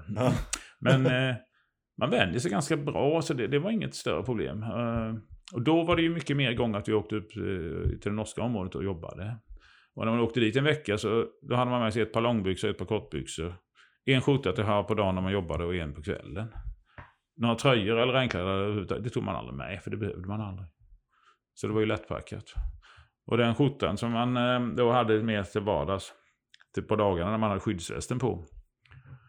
Eh, satt man sig i bilen och åkte en timme, sen var det ju, var ju helt genomblöt under skyddsvästen. Men det var ju liksom, ja. Det var ju, det var ju så bara. En, en, man ska ha en snuskskjorta helt Ja, enkelt. Och ja, ja. sen ska man ha en eh, mindre som en snuskskjorta. Och sen när man gick ut där på kvällen, eh, för i det norska området, där vi bodde då i Sverige, där gick vi ju i princip aldrig ut. Det var ju en muslimsk by och där fanns egentligen ingenting att gå ut till vad jag vet. Men norska området, den byn var ju kristen. Så där fanns ju en hel del med restauranger och sånt där. Så då gick man ut och åt och tog någon öl och sånt där. Så Och det det var helt, väldigt annorlunda, för det var ingen kamp. De, de bodde utspridda i byn på Jaha. den tiden. Ja, det Alltså var i lite- vanliga hus då? Eller? Ja, visst. Hyrde in sig på olika... Och det, en del var baracker också. Eh, vi hade någon gästbarack. Och det fanns olika beroende på vilka gånger vi var iväg. Men, ja, hur, hur funkar det? Det låter ju väldigt eh, annorlunda. Gästbarack. Nej men alltså hela konceptet där. Det, det var väldigt annorlunda. Det var fantastiskt mysigt. Eh, dels eh, var den välordnat eh, i själva byn. Eh, och man bodde annorlunda, helt öppet. Eh, eh, alltså skilde var väl egentligen att man gick omkring och hade vapen med sig hela tiden. Eh, det hade vi, ja, på våran kamp hade vi inte det för då var vi inne på kampen. Eh, så det var väldigt annorlunda. Och mer öppet samhälle. Kristna samhällen generellt är väl mer öppna än muslimska. Hur, upp, hur uppfattade ni att ni var uppfattade av lokalbefolkningen? Så? Alltså var de, var de positivt inställda? Och, Eh, ja. och det funkade bra då? Liksom, det var inga konflikter? Så. Nej, det tror jag var väldigt lite. Så länge inte någon eh, fulade ut sig av någon anledning och det vet jag inte att det hände. Det gjorde det säkert, men inte bland oss i alla fall. Så var det väl inga problem med det. Eh, Och de tjänar ju ganska mycket pengar på närvaron också. Ja, det det är är klart. ju alltid bra. Vill man, strör man pengar omkring sig och, eh, så blir man populär. Strör och strör, men det fanns ju mycket grejer att handla också. Libanon överhuvudtaget var ju då ingen kontroll på alls. Så det fanns väl ingen skatt på någonting. Så det var i princip taxfree allt man köpte när det gällde ja, sprit. Och, men, det blir inte roligare att vara bakfull för att det är billigt så att säga. Så det kunde ju kvitta. Men eh, kapitalvaror, kameror, eh, videobandspelare och sådana grejer. Men eh, och där ni hade eran kamp, då bodde ni mer på en klassisk alltså inmurad kamp? då? Jajamän. Men Ja. var det i en by eller utsidan av en by? Eller? I, får man säga. I kanten men ändå i byn. Och sen delade vi även kampen med ett eh, ghanesiskt ingenjörkompani. Okej. Eh, de hade sin del och vi hade vår. Och hur, hur, var det någonting med dem? Någon... Eh, inte mycket. Det var den kontakten. Eh, man är så väsensskilda människor så det blev... Jag vet i början, vi försökte vara, gå och snacka och sånt där. Var liksom, men det, det, det blev liksom ingenting av det. Den kontakten var svår. De gjorde sitt och vi gjorde vårt. Men när det var ner andra gången där då på 96 var det va? Mm, ja. Så hade ni, hade ni samma uppgift fortfarande då? ja, jag låg på ingenjörspluton så jag gjorde samma grej. Ja, så det var egentligen att åka ner till samma... Du Fortsätta, van med, liksom. fortsätta, men det hade blivit mer aning med allt möjligt. Och eh, var det någon som du kände som också var tillbaka där? Eller var det helt nytt gäng? eller? Eh, borde ju ha varit någon. Eh, det kommer jag inte ihåg om det var någon då som var samma. Det kommer jag faktiskt inte ihåg. Det tror jag inte. För det tänkte jag även när du åkte ner på första missionen. Åkte du med någon som du kände från värnplikten? Nej, Ingen. det var helt nytt gäng. Ja. Ja. Kände ingen överhuvudtaget. Eh, Men jag tror inte jag kände någon överhuvudtaget andra gången heller. Men då stötte man väl kanske på eh, någon man hade träffat på innan. Eller det vet jag nog att jag gjorde, ja. Men sen kunde det vara att de låg på olika kompanier och sånt. Så. Och eh, arbetet med att eh, minklarera och sånt där, var, var det, för, för jag tänker att när det var nere första gången sa du att ni höll på fixa ju lite på kampen såklart då, sen Mm. åkte ni minklarerare. Mm. Men när, du kom ner på 96 så måste den där kampen ändå varit lite ajour tänker jag. Betydligt bättre. Det var också ändrat eh, på upplägget. Eh, Första vändan var vi fyra grupper på ingenjörspluton. Fyra ingenjörsgrupper. Sen var det ändrat till två ingenjörsgrupper och en pionjärgrupp. Och de var ju, det var ju hantverkare som deras huvuduppgift var ju att hålla reda på kampen. Så det var ju rörmokeri och elektriker och snickare och det. Sen var de med oss ute ibland och så att de växlade lite grann. Men då blev det ju betydligt mer eh, att vi på ingenjörsgrupperna, vi var ute och letade miner. Så det var, det var liksom, då var det mera den verksamheten? Då. Ja, ja, ja, mycket mer. Men var det fortfarande för norrmännen mycket då? Ja. ja. Och det var deras patrullstigar? Och... Ja. Men var det att man gick samma stig om och om igen? Nej, nej. eller? nej. Jag gjorde nya och så märkte man ut dem med och målade stenar vita eller blå och la på kanterna. Så att det var tittat över. Men var det, var det liksom att man gick och letade efter sånt som var kvar från konflikten? Eller liksom var det, för jag tänker, nu, det jag bara relaterar till är att tar man som Afghanistan till exempel, där, där det var mycket stort ID-hot, då la Mm. de ut liksom, Ja, nytt, varje ja. dag. Liksom, Ja, så här. Man fick liksom, Eh, nej, generellt så var det ju inte så. Hade vi gjort en stig åt dem så, så fanns den där. Eh, det var, på de flesta ställen fanns ju inga.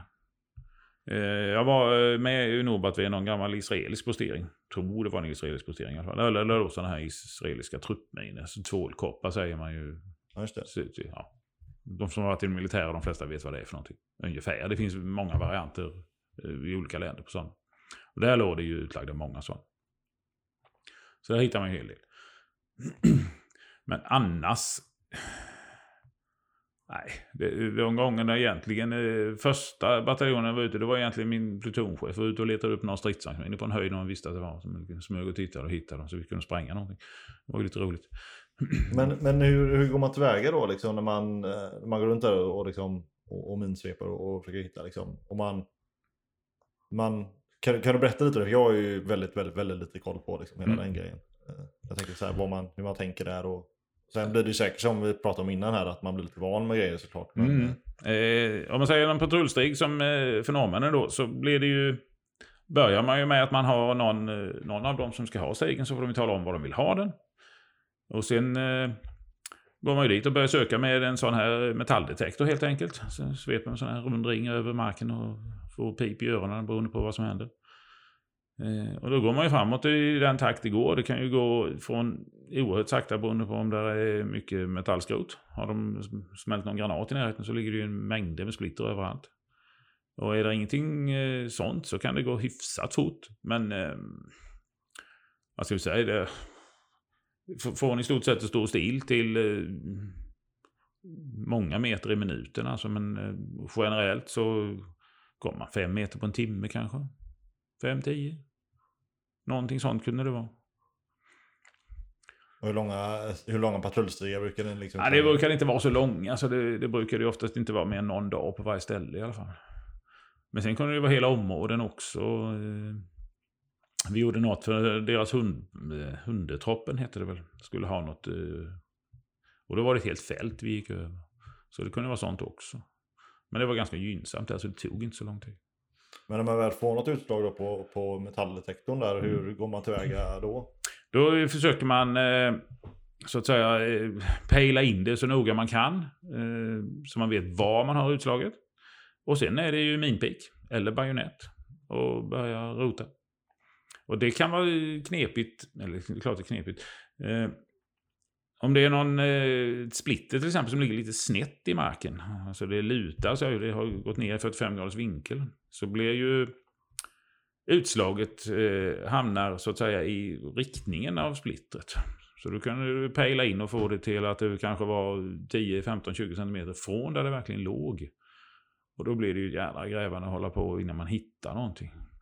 Och ibland var det nästan omöjligt, man hittade ingenting ändå. Men eh, var det större grejer så gav det ju rejäla utslag. Då. När man väl hittar en, en, liksom en, en, en mina av något slag, hur går man tillvägen där då? För att, det, det, är ändå, det är ändå en eh, ganska kraftfull, eh, kraftfull paket man hittar. Liksom. Ja, det är ju inget bra om man råkar ligga där på knä och få den i ansiktet. Då gör man förmodligen aldrig någonting mer. Eh, vi sprängde dem på plats. Det var det generella var att allt vi hittar sprängs på plats. Man använde, satte en liten platta, trebensstativ med en träplatta och så la oftast i alla fall lite sprängdeg ovanför så att man brände av det. Så antingen så utlöste man den eller så sprängdes den sönder. Och var det, ja du sa att det inte var så ofta ni hittade någonting men jag antar att ni hittade någonting någon Jo, gång? jo, det gjorde vi. Eh, och det var ju, där blev det ju lite skillnad mot när man gjorde i lumpen. När man var tvungen att vara kilometervis ifrån när det small. För de verkar ju som alla säkerhetsregler försvinner ju på något konstigt sätt när man är utomlands. Så då var man ju ganska nära ibland när det small också. Det är ju en helt annan känsla. Det låter dumt, men ja, det är det faktiskt. Vad, vad snackar vi för avstånd då? Snackar vi...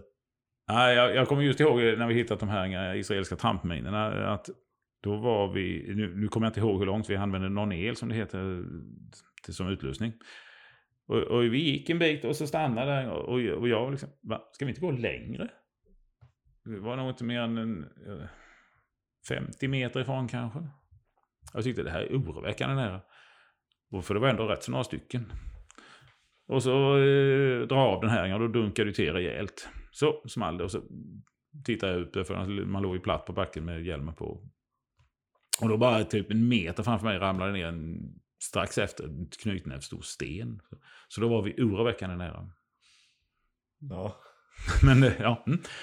Men hur går man tillväga sen då när man har sprängt eh, allt detta liksom? Ja. För jag tänker att då måste man väl söka om hela sprängningen? Ah, de ska ju ha smält så det, det ska inte behövas. Det ska vara klart. Då. Men det är det ju aldrig när de har spritt ut en massa miner så det kan alltid ligga kvar grejer ändå. För eh, när det växer, eh, alltså växtligheten kan ju dels trycka ut miner om de är nedgrävda. Men det kan också leda till att de växer ner. Och det är ändå det i växtlighet. Det är mycket värre eh, när de är i öknen som i Sinai. När de står ut en massa miner där. För då kan de ju ligga flera meter under sand och sen blåser det och sen plötsligt ligger de uppe igen. Jag har även hört Det just ju det här med vatten som tar med sig alltså vid Ja, vårfloder och sånt där. Det är Ja. hört både från Afghanistan och från andra konfliktzoner. Eh, Det, kan säkert, det är säkerligen liknande det för att när det regnar i Libanon rejält, då regnar det något fruktansvärt. Och jorden där är ju, för sommaren dammar det något fruktansvärt. Och på vintern blir det en kletlera utan dess like. och då händer det ju även att det blir sådana här ler, ja, lerfloder typ kan ju hända när det har regnat riktigt mycket. Och det är klart, det kan dra med sig miner så de hamnar någon annanstans. Och eh, du, du kör ju på, och då är det sommaren som du är nere på nu då. Mm. Och eh, sen när, när den här, för det är ni nere sex månaders perioder va? Ja, ungefär ja. Ja. Men du rekar över sen till nästa mission? Ja, det är 98. Det, visste jag egentligen redan när jag åkte att jag skulle försöka. Att jag tänkte stanna i ett år. Ja okej. Du hade det som... Ja, det var planen. Men hade du tagit tjänstledigt från ett jobb då eller? Ja, det var ju enligt lag. Du behövde bara tala om att du hade sökt och eh, blev du antagen så var det bara att tala om det. Så eh, det var samma som det var för värnplikten på den tiden. Det kanske det är nu också, det vet jag inte. Mm. Att eh, lagen sa att de, de måste bevilja en tjänstledigt. Så det var ju när jag väl hade blivit klart att jag fick reka över så skickade jag bara något brev eller vykort och till arbetsgivaren och talade om att jag blir kvar ett halvår till. Ja, de... eh, Ja, det är klart att... Det är klart att det funkade, men jag tänker... Din arbetsgivare, var de liksom positiva till eller var det så här? Var det ett nagel ögat eller vad? Ja, positivt är det väl aldrig när anställda bara försvinner. så att säga. Så... Eh, jag vet åtminstone sista gången jag var iväg när jag åkte till Bosnien. Det, det var inte populärt. Men de kunde inte göra någonting ändå. Så det, Okej, men så du, du i alla fall, du, du hade planen att vara nere ett år från början. ja. Eh, Men hur funkade övergången där? Var det många som åkte iväg? Eller åkte tillbaka, alltså som gjorde bara en... Eh, ja, det var en del. Men just där mellan 96 och 98 var väldigt många som eh, rekade. Mm. Jag undrar, det var något annat i den vevan som var på gång tror jag. Eh, så det, det, det var många som...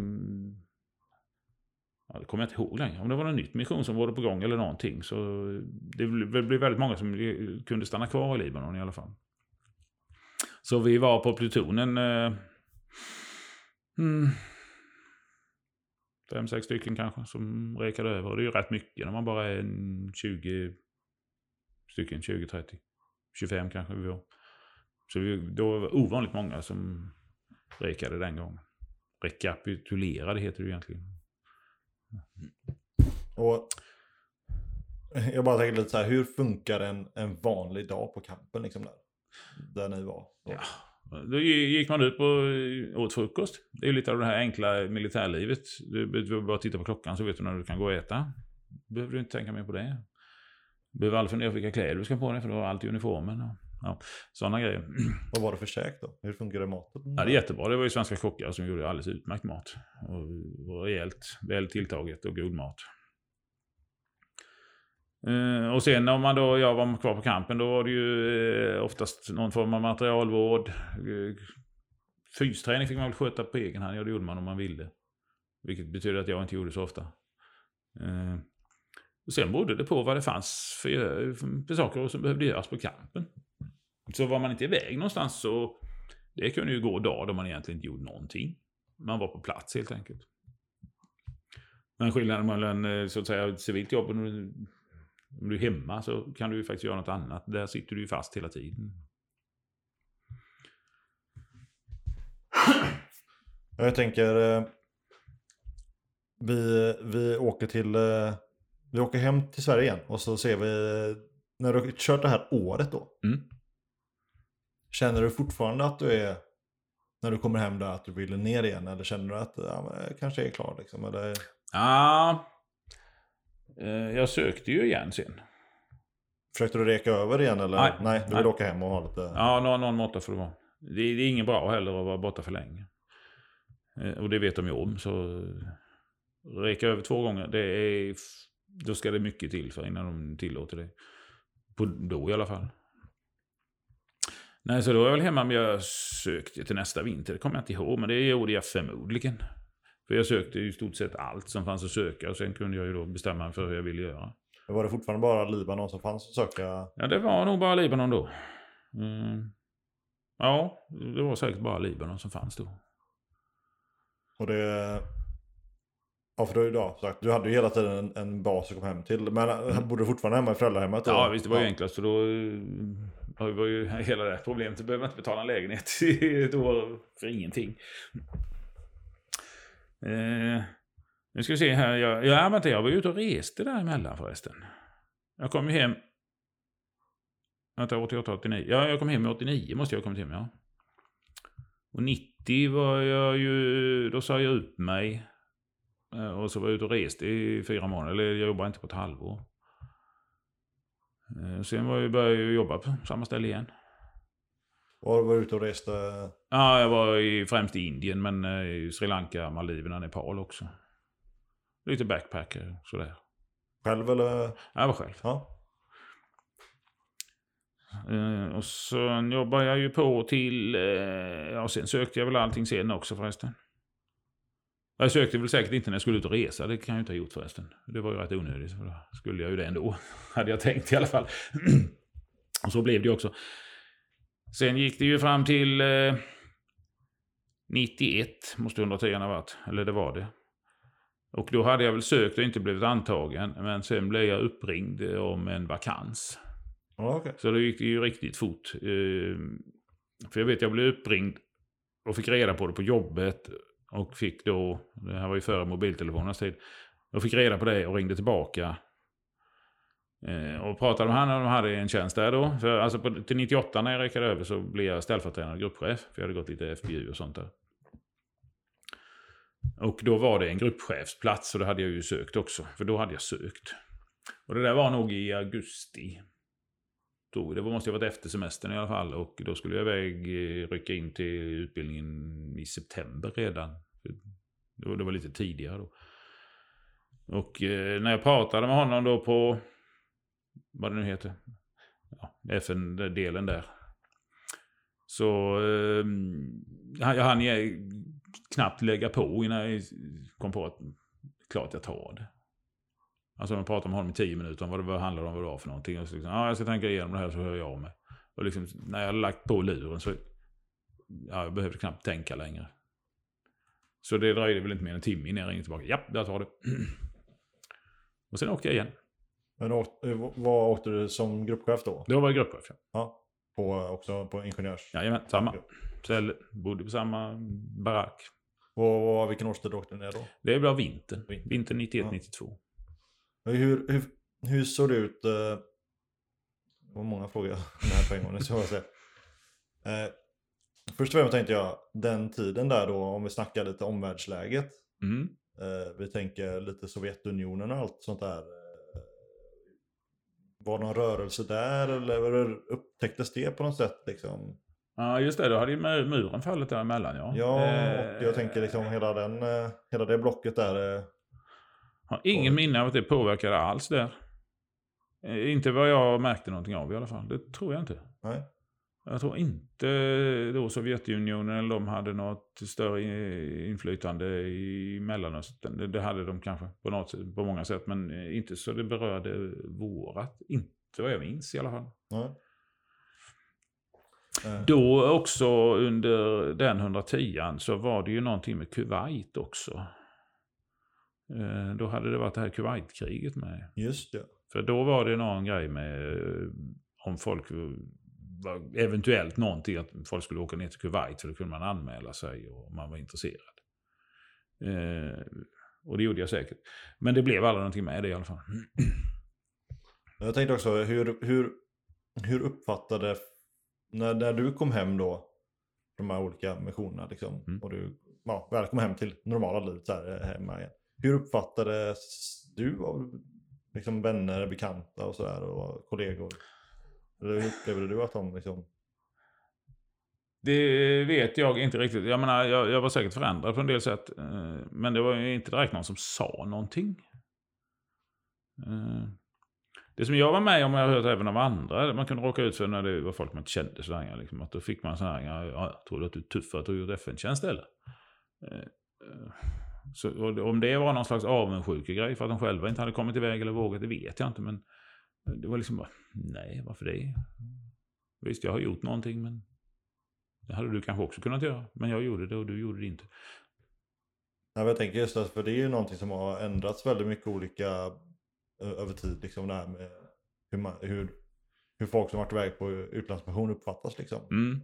Och det är ju en konstant förändring känns som att lite, det, det alltid rör sig åt olika håll. Liksom, om man uppskattar det eller inte alls. Och hur det se- ses på folk. Liksom. Nej, men det var, det var väl rätt så hög status ändå på det här. Att man har varit ute och gjort någon insats. Generellt. Men sen finns ju alltid någon som tycker att det är fel att vara soldat överhuvudtaget. Så det, men, men det märkte jag egentligen inte av någonting sånt.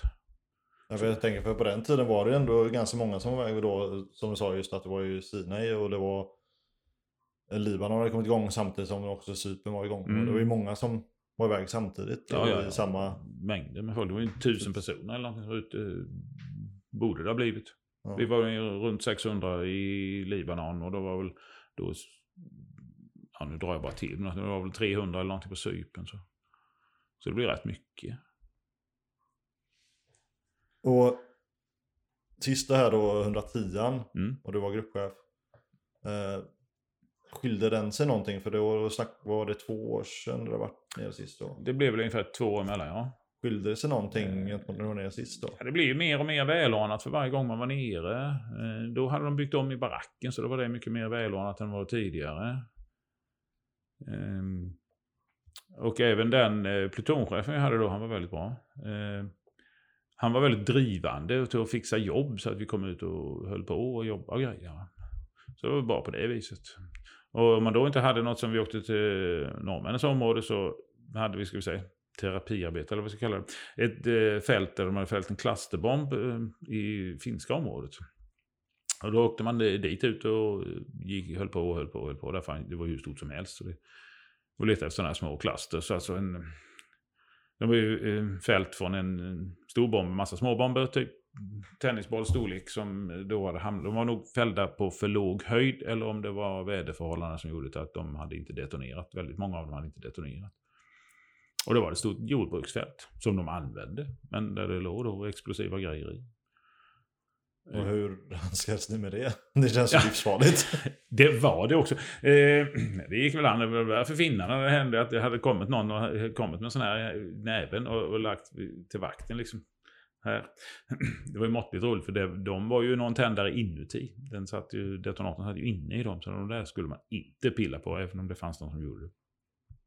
Det var någon rotationssäkring i dem.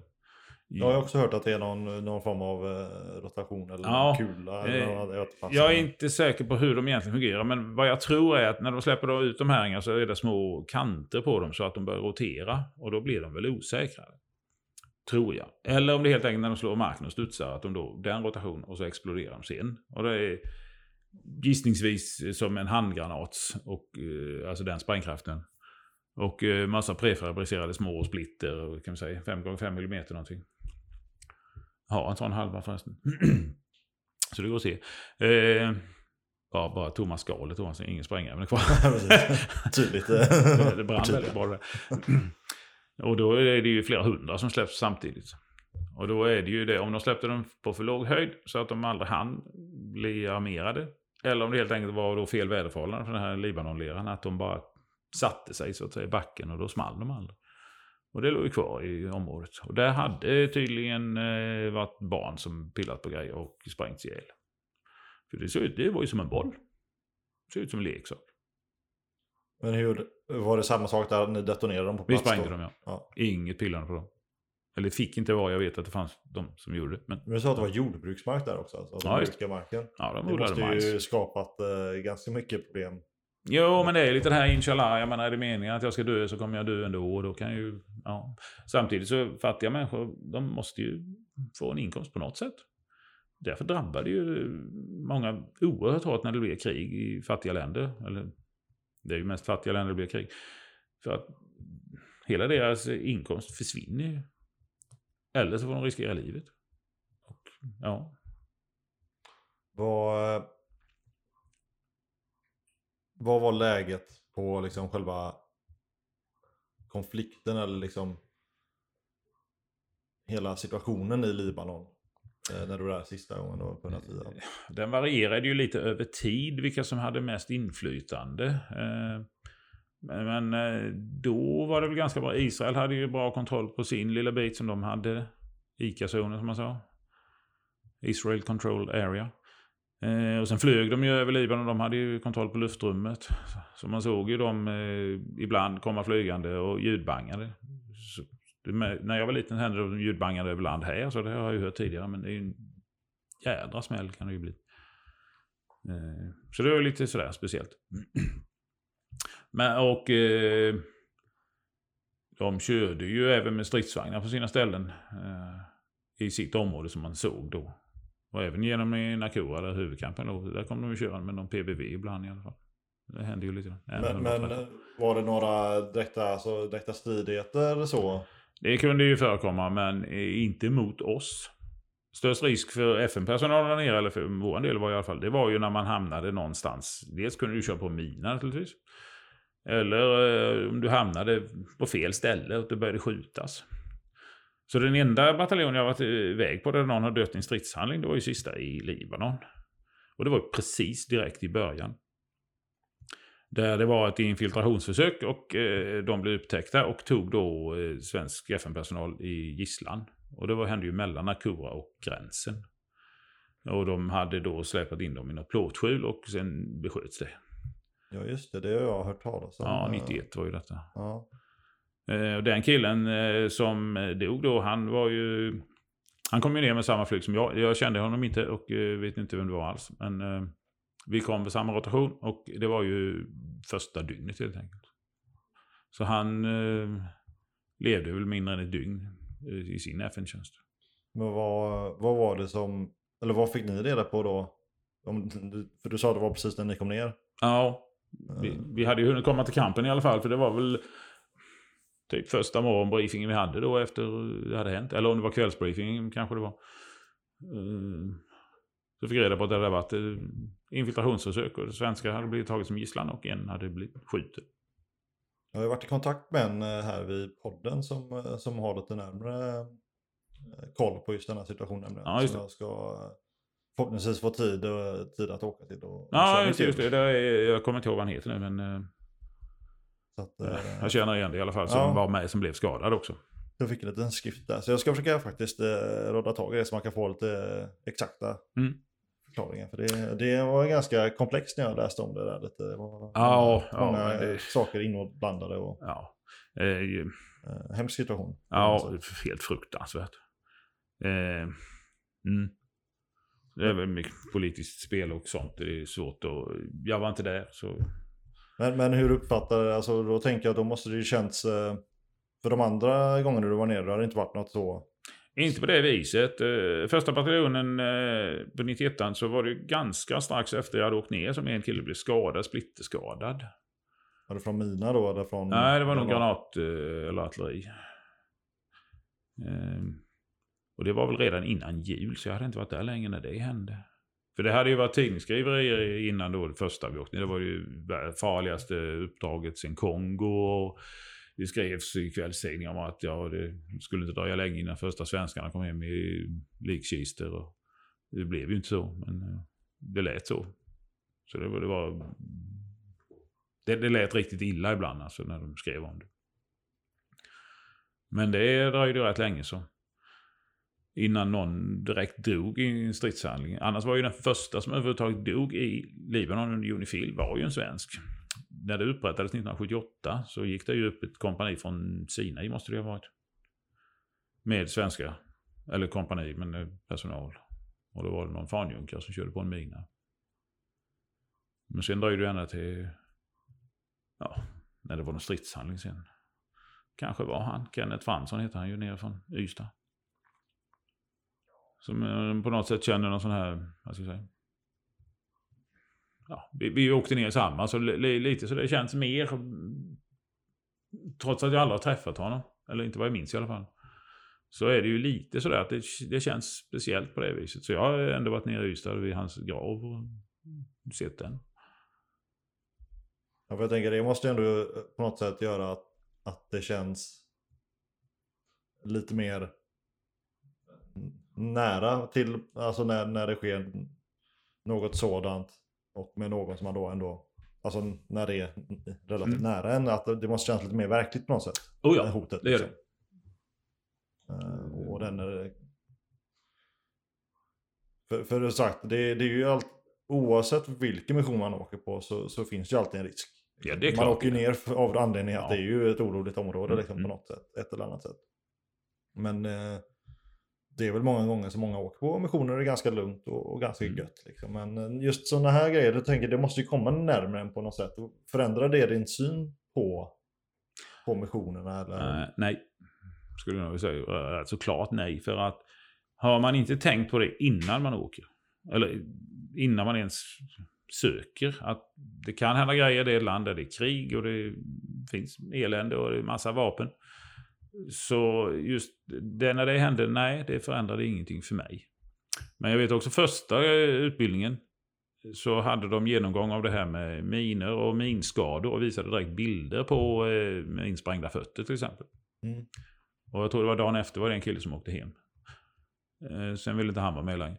Och eh, det är ju det här, har du inte tänkt på vad det kan innebära? Det, det, är, det är jävligt farliga grejer. Det kan hända.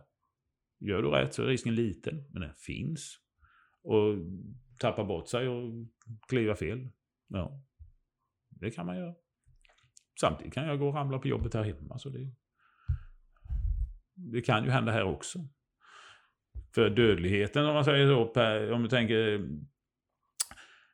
De flesta är killar i 20-25 års åldern. Eh, många är lite äventyrliga. Eh, och tar du tusen sådana mm, under ett halvår och kollar hur många som skadas och råkar ut för någonting, även om de är hemma, så, så händer det ju där också. Så så mycket farliga är det faktiskt inte statistiskt sett. För det var väl Ulf Henriksson, alltså första eh, BA01. Eh, eh, vad fasen heter det nu? Ja, chefen i Ulf BA01. Henriksson. Ja, Ulf Henriksson. Eh, bataljonschef var han ju. Jämförde det med om eh, folk som körde med motorcykel, tung motorcykel och så jämförde hur många som skadades och dog på det. Så var det inte värre att åka på F1-tjänst. Och det har han kanske rätt i. Det kan stämma. För det är ju också en farlig grej. Eh, Det, det är ju inte liksom... Trygghetssökande personer söker ju inte för att göra utlandstjänst. Och det, det är ju inte de här trygga, det är ju inte de som börjar klättra i berg eller dyka, ut och köra motorcykel och sådana här grejer. Då, då är ju riskerna större redan för de personerna. Och då, då blir det annorlunda. Alltså det, det kan hända. Så rent statistiskt så är det nog inte så mycket farligare egentligen. Sen kan det ju snabbt förändras om det händer grejer. Men... Men det känns väl som att det är hela små perioder av högre risker ibland då. Ja, Alltså ja. man kanske röjer vissa, eller klarerar vissa områden då. Det är klart att det kanske är högre risk. Det är klart man det är på det. någon patrull Jajamän. någonstans. Ja, ja, ja, ja. Lite som du säger just i Sverige också, man är ute och kör motorcykel då en sommardag. Liksom, Ja, med ja. goda vägar och sådär. Så kanske då är ju risken större när du sitter på soffan och Ja, kollar på. Det, det är ju det. Va? Så, det är ju inte... Det är ju inget genomsnitt av svenska befolkningen som söker och gör utlandstjänst. Det är ju de som är lite mer äventyrliga och vill ut. Så det, Tänker vi hoppar, för du, Mm. du har ju en mission kvar sen. japp. Eh, Du åkte hem då 92. Ja, Var det våren 92? då? våren 92. Våren 92. Mm.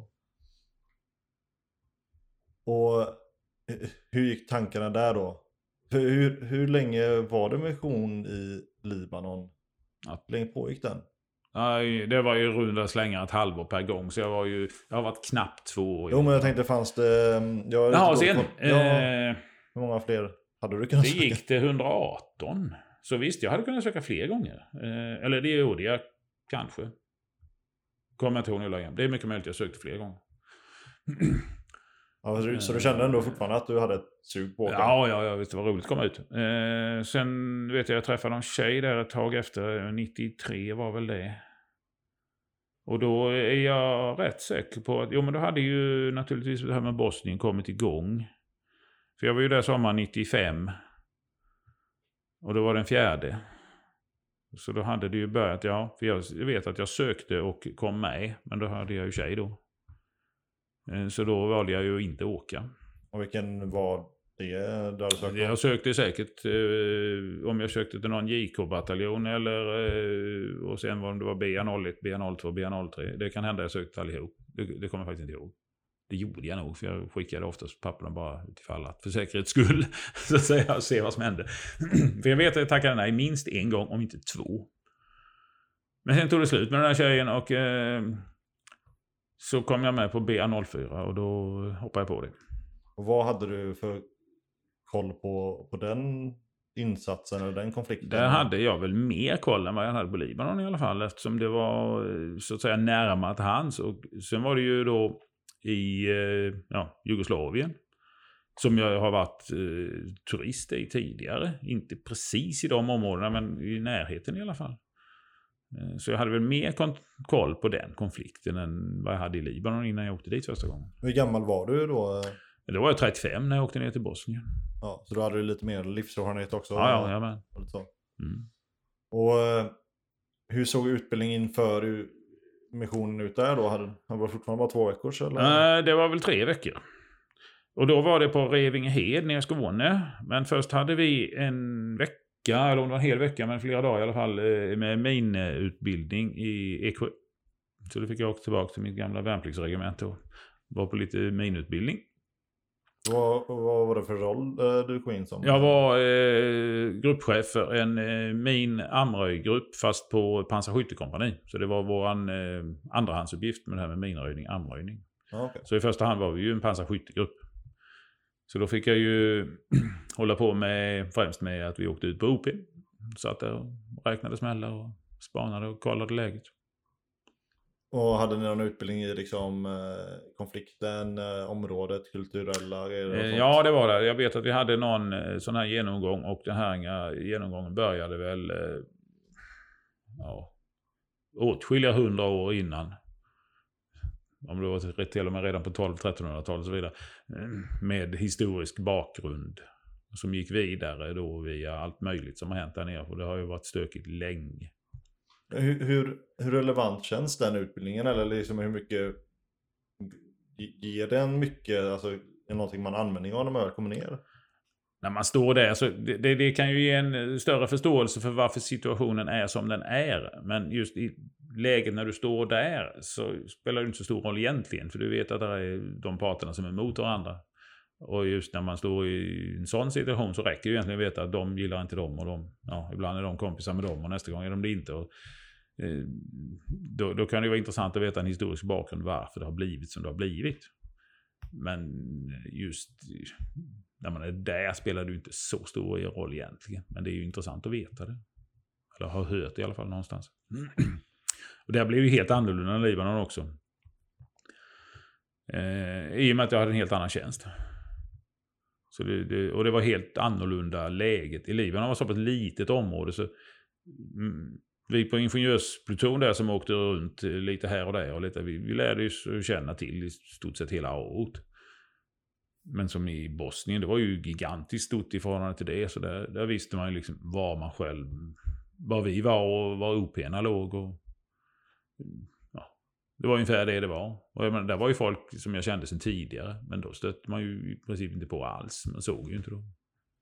Därför, kan du berätta lite då när du åkte ner där och liksom vad du möttes av där eh, första dagarna liksom, och hur, hur den in, skolningen eller vad man ska säga då var. Liksom, över där. Ja, det blir lite speciellt. Jag visste ju det här med att vi skulle ut på OP-tjänst och eventuellt ha sådana här tillfälliga checkpoints och sånt. Det blev aldrig att vi hade någon.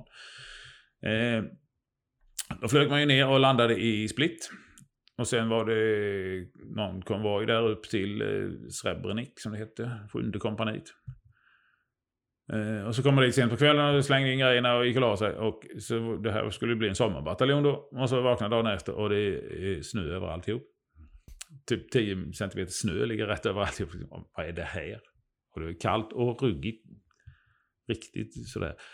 Och sen blev man inbriefad på läget hur det var med kampen och man hade två vaktposter och då hade vi eh, olika veckor. Då hade man en vaktvecka eller nu, vad vi kallar det. Då vi bemannade två eh, vakter på kampen. En på framsidan med gaten och en på baksidan. Och så gick man lite vaktrundor på natten och sånt där.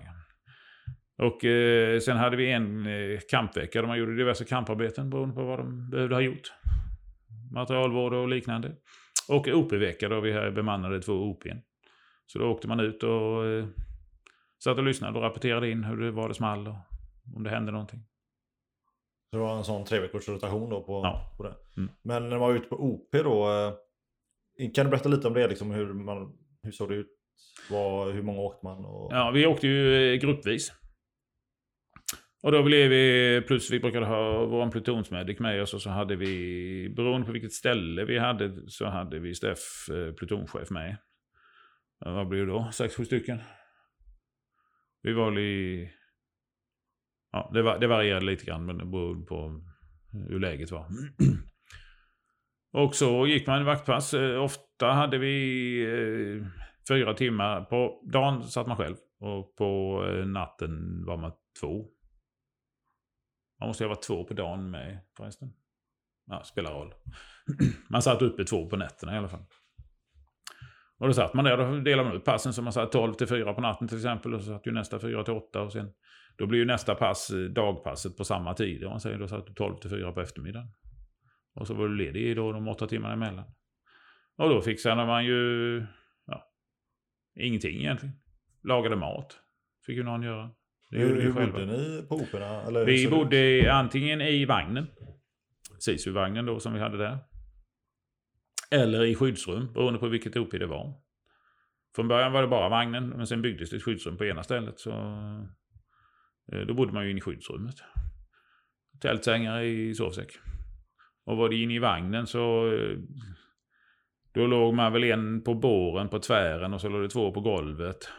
Och en brukade ligga jämte motor, eh, heter det, motorn. Bredvid motorutrymmet i vagnen. På, ja, intryckt någonstans. Och sen var det ju två som stod på oss, så vi var väl sex stycken då. Det hur, fun hur funkade det? Det låter ju väldigt eh, spartanskt. det var det. ja, bo skyddsrum var ganska okej. Okay. Då fick man i alla fall en tältsäng att ligga på. Men när man låg i vagnen så, ja. Stålgolvet är ganska hårt med gummimatta på och så ligger underlag. Och så sovsäck på det. Men hur såg eh, hotbilden ut då när den var på op Ja, det var ju, i Bosnien var betydligt värre kändes det ju som. Eh, de kunde i princip skjuta ut oss när de ville om de hade velat. Eh, Så det, det är ju... Där var jag med precis i början, en firing close, när det gick ner någon granat. Jag vet inte hur nära den var, men ganska nära. Jag hörde ju det visslande från granaten när den gick ner i alla fall. Och så dunkade det rejält. Men, eh, det var när det var för mycket fordon runt OP så la de någon granat ibland som varning. Och eh, det ena OP blev senare utskjutet. De, de hann undan. Så det den första granaten gick nog över och sen träffade de rätt i. Och med indirekt eld då? Vad sa du? Var med indirekt eld då? Alltså, Ja, i- då- ja, nu vet jag inte vad de sköt med där, men eh, det var ett träffrätt in i OP i alla fall. Men då hade de dragit sig ur. De hann ut. Och sen eh, gick det väl någon dag och sen vet jag att vi åkte upp och satte igång igen. Startade upp OP igen om man säger så. Och fick ordning och... Mm. Var, och då satt ni och, och så och räknade explosioner och... Ja, visst. Det hade vi ju en lista så satt vi och kryssade i. Det var ju då small arms och Akan, eh, detonationer. Men hur stort var området som du observerade? jättestort. Man egentligen lyssnade man mest. Man hörde om det small någonstans. Så för det var ju utöver, eh, det är ju kuperat område och OP'na var ju på hyfsat hög höjd så att eh, man såg ju väldigt långt och många håll. Men däremot någon militär aktivitet såg man ju egentligen aldrig därifrån. Och hur, eh, hur, såg liksom generellt sett konflikten ut i området där? Var det liksom mer små grupper då eller var det liksom internkonflikter eh, mellan Ja. befolkningar eller? Egentligen, FN-posteringen ska ju egentligen vara mellan de stridande förbanden, eller vad ska jag säga, någon zon emellan som det funkade på Cypern då ungefär. Men där i Bosnien låg vi ju bara på Bosnien-sidan.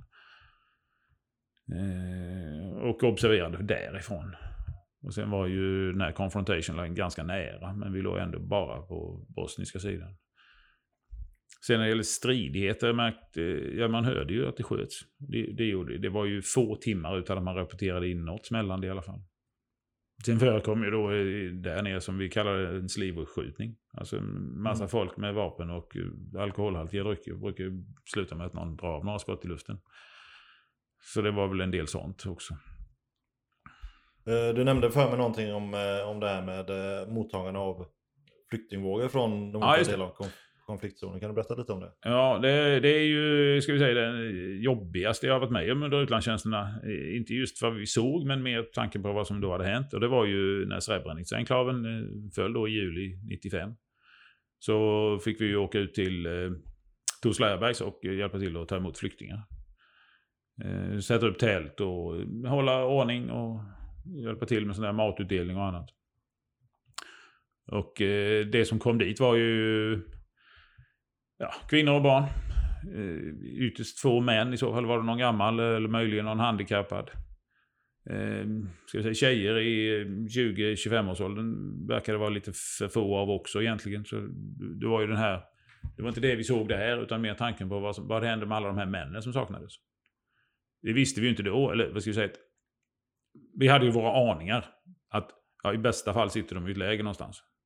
Eller så har de bara skjutit dem. Och det var ju det var ju det de hade gjort då. Men det visste vi ju inte då. Men så det var mer den här grejen med att... Eh, ja. Hur mycket folk var det som kom? Eller var det under en lång period också? Eh, vi, vi var inte så länge. Vi skulle åka hem på liv. Det var ju på gränsen att vi hade kunnat åka. Men det fick vi ju ändå. Eh, så eh, det var väl... Eh, vi var väl ute där en vecka kanske. Högst en vecka. Jag tror inte det var så länge. Tre, fyra dagar, fem. Med att sätta upp tält och eh, fixa och sen övergå till att bevaka området så att det inte blir några bråk. Var det mycket folk då som kom? Ja, det var tusentals. Vet inte hur många som kom just till Tuzla Airbags, men det var ett stort område med mängder med folk. En Tuzla Airbase, då var det under vems ansvarsområde låg det? Var det sen? Eh, I Tuzla... eh, Ja, vems var det? Vi var där och vaktade ibland i alla fall. Vems område? Jag har väldigt dålig koll på det där faktiskt. Tyvärr. Och det är rätt länge sedan också. Ja. Men, Ja, fick, eh, det var ju norrmän på, som hade någonting där. Eh, och sen, eh, vänta nu här, var det Pakistanier kanske? Det kan det ha varit. Att det var pakistanier som hade koll på det. Eller skulle haft det i alla fall. Jag har för det var någon sån här... För det fanns ju... Vi hade ju så lite kontakt med de andra länderna där. Va? Det var ju, danskarna ingick ju i Nordbat då. Så de hade vi ju en del. Mm. Dansk stridsvagnskompani. Så fanns det från Malaysia och Pakistan och flera länder till. Men jag kommer inte ihåg riktigt vilka det var. Men det var nog faktiskt Pakistans område där. Men när fick ni reda på eh, vad som pågick där borta? Alltså, eh, Vi visste ju att det var på gång, att var, den här enklaven höll på att falla. Eh, och det var ju här... Jag vet, jag vet att en del har haft eh, rätt så mycket problem mentalt efteråt för att vi var där, men vi gjorde ingenting. För att det, hade de ju kunnat räkna ut liksom vad som skulle hända, eller i alla fall hyfsat. Eh, jag har inte haft några sådana problem, för jag känner mer att det, det där var ett högre politiskt spel som eh, jag inte kunde göra någonting åt. Man lät det ske i stort sett. Eh, EU, NATO, FN gjorde ingenting. Fast man borde ju, eller visste väl egentligen vad som skulle kunna hända eller vad som var på väg att hända och lät det hända. Ehm, man offrade dem på något sätt. Det var ju även en eh, svårt läge i och med att då Jugoslavien var så blandat med befolkning och det var vissa byar var viss etnicitet och så var det andra och då var det ju de här enklaverna bland annat då Srebrenica som låg i annat område. men på vilket sätt fick ni reda på, på detta? Eller fick ni reda på när ni var nere i, fortfarande var nere på missionen? Ja, vad som hade hänt? Ja. Eller var det någon Ja, det som- måste jag ha fått reda på då, ja. Ja, att de blev skjutna, ja. Ja. Ja, det måste vi ha fått, för det var i juli. Vi åkte inte hem förrän i oktober, tror jag. Jag Eh, hur mycket det kom fram av vad som hade hänt då, det vet jag inte. Det har ju kommit fram mycket mer sen när de har grävt upp och hittat folk överallt. mm. Och de identifierar ju fortfarande folk och har begravningsceremonier varje år. Men hur, eh, utöver de här tre veckors då med OP och liknande. Mm. Gjorde ni, hade ni andra liksom, operationer eller liksom särskilda uppdrag eller sånt? Det skulle kunna bli några sådana här tillfälliga checkpoints som jag då aldrig var med om någon. Eh, om någon borde det ju ha varit under tiden. Vi kunde ha någon sån här humanitarian också, där man åkte ut och gjorde humanitära arbeten. Eh, jag var, minst en gång var med ute och eh, gjorde så gott det gick med att eh, täta till taket på ett hus. Eller taket var det egentligen inte, taket på huset var borta, men det var ju ska jag säga golvet på övervåningen där vi plastade för att det inte skulle rinna in lika mycket i alla fall. Och sen hände det i den vevan tror jag att det var något granatnedslag eh, i någon by. Och då var vi där och plastade igen en massa fönster. Så att det i alla fall var plast för fönstren, inte bara hål rätt in.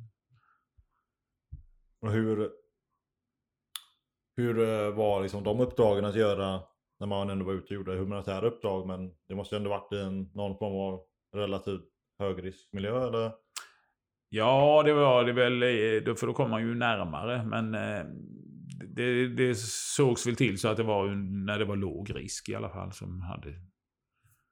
Så det, det hände liksom aldrig någonting på dem så sett.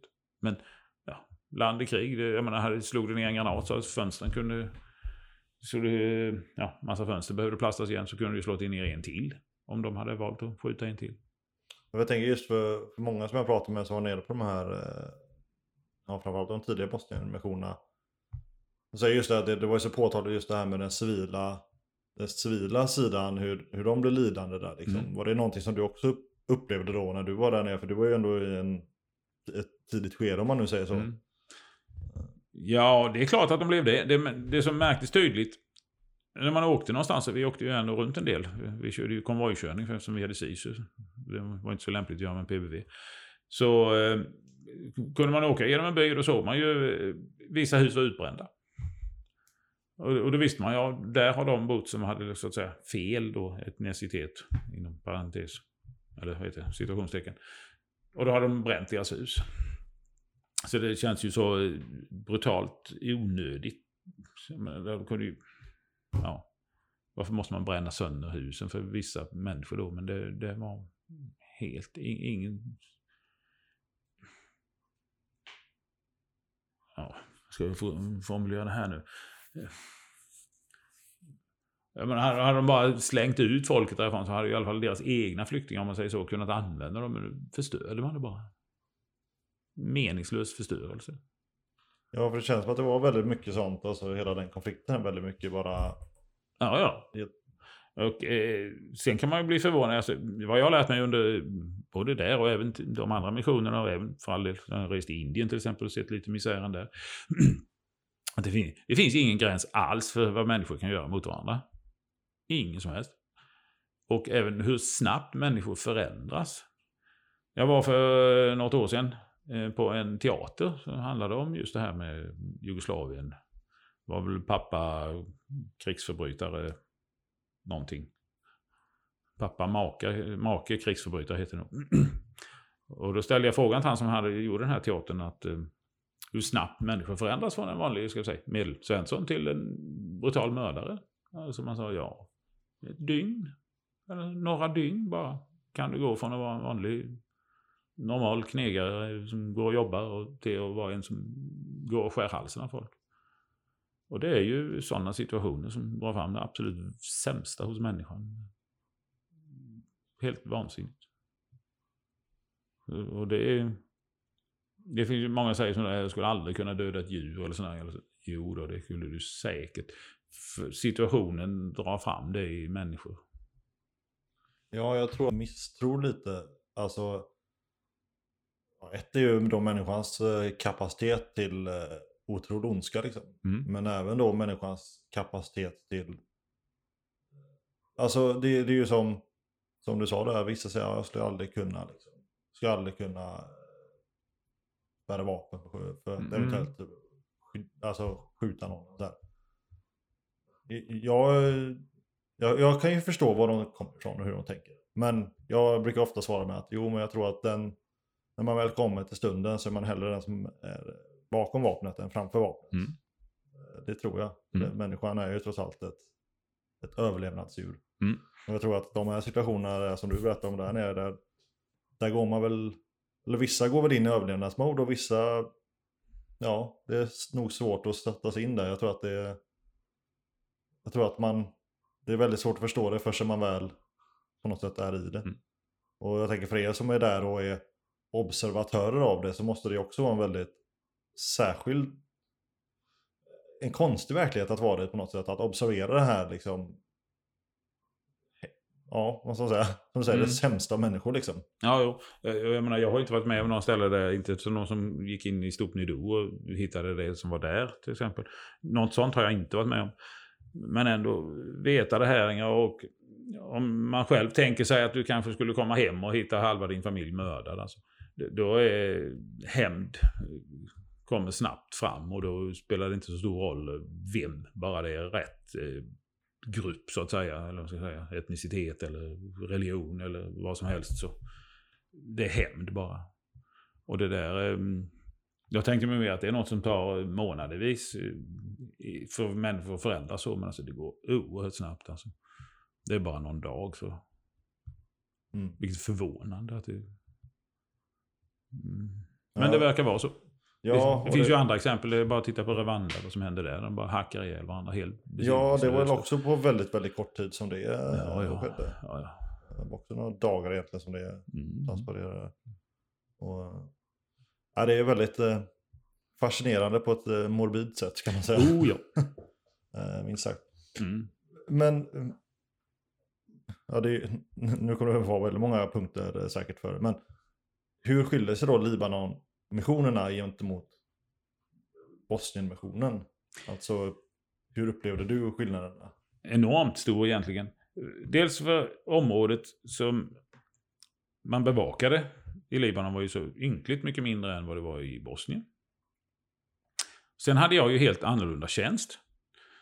Eh, när man höll på med minröjning så var man naturligtvis inte ute och jobbade på natten. Och man, är inte, man hade ju då eh, jour så att säga. Alltså, då kan man bli tvungen om det händer olyckor och sånt. Som jag aldrig varit med på, men jag har ändå varit med och övat det. Eh, till att sitta på OP-tjänst mitt i nätterna. Så eh, största skillnaden för mig var ju att jag hade två helt olika tjänster. Och hade jag från början liksom vetat vad den tjänsten i Bosnien hade inneburit för, som jag, hade- så hade jag nog inte tagit den. För den här med, eh, ingenjörsjobbet passar mig mycket bättre. Sen ångrar jag inte att jag åkte till Bosnien. Nej, verkligen inte. Jag har ju fortfarande kontakt med en del därifrån. Eh, och en hel del och fina minnen och sånt också. Eh, men det var väldigt stor skillnad. Från att gå från att man åkte ut på morgonen och sökte efter miner och sådana grejer. Till att man åkte ut på ett OP och sitter uppe mitt i nätterna. Och det ösregnar och det är kallt. Och de varnade innan vi åkte till Bosnien den sommaren om att för värmen skulle bli så stort problem. Så sitter man där till mitt i juni med, på natten med vindrocken på och huttrar. Alltså, det var inte riktigt vad vi hade väntat oss. Men sen blev det varmt också. Men eh, ja, stor skillnad överhuvudtaget. Eh, Pansarskyttekompani är inte alls samma som en underhållsbataljon. Och även den här skillnaden som jag har märkt lite grann eh, som har legat på ett ingenjörsregemente. Eh, jag ska säga, det, det är inte den eh, ja, stridismentaliteten om man säger så. Va? Det är inte alls detsamma för det, det är helt olika arbetsuppgifter. Man är i första hand ingenjörssoldat och i andra hand krigande soldat eller stridande.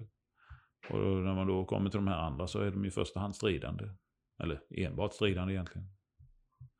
Hur Så såg det ut med, eh, med, eh, med liksom permission eller liksom liv då? Ja? I Bosnien var det helt annorlunda. Där var det bara bestämt. Eh, tre veckor. Eh, hela... eh, Det kan inte vara hela kompaniet förresten. Nej, hela plutonen var det ju. Vi åkte samtidigt. Eh, blev hemflugen till Sverige. Sen kan vi hitta på vad vi ville.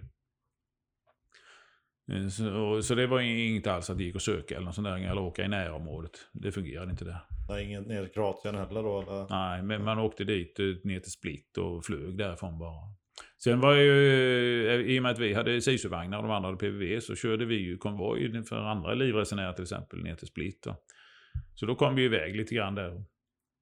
Var det någon dag eller eller en dag, eftersom vi körde ner det ena gänget och körde tillbaka det andra, då hade vi väl en natt där eller någonting. Så, så vi kom ju ut lite mer än de andra i alla fall. Och där är hela just den här kroatiska kusten och sånt, det är fantastiskt vackert. Och så. Vilket jag visste redan innan, för jag hade ju kört motorcykel där. Så. Och eh, hur var det när, när du väl kom hem sen från, för du var där nere också sex månader Ja. va? Ja. Hur var det när du kom hem från, från eh, liksom 04 där och, och liksom, för du var 35? Ja, 36 till och med. Jag fyllde 36 där nere.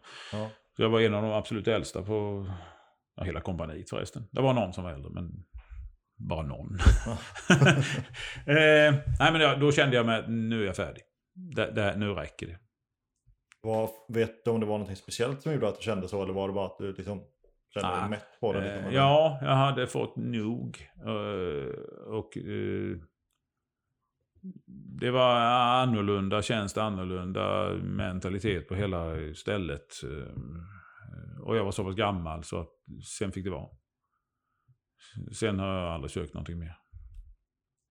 Jag var, jag var klar med det helt enkelt. Någonstans känns det att nu är det färdigt. Och hur såg livet ut hemma då där när du kom hem? Liksom?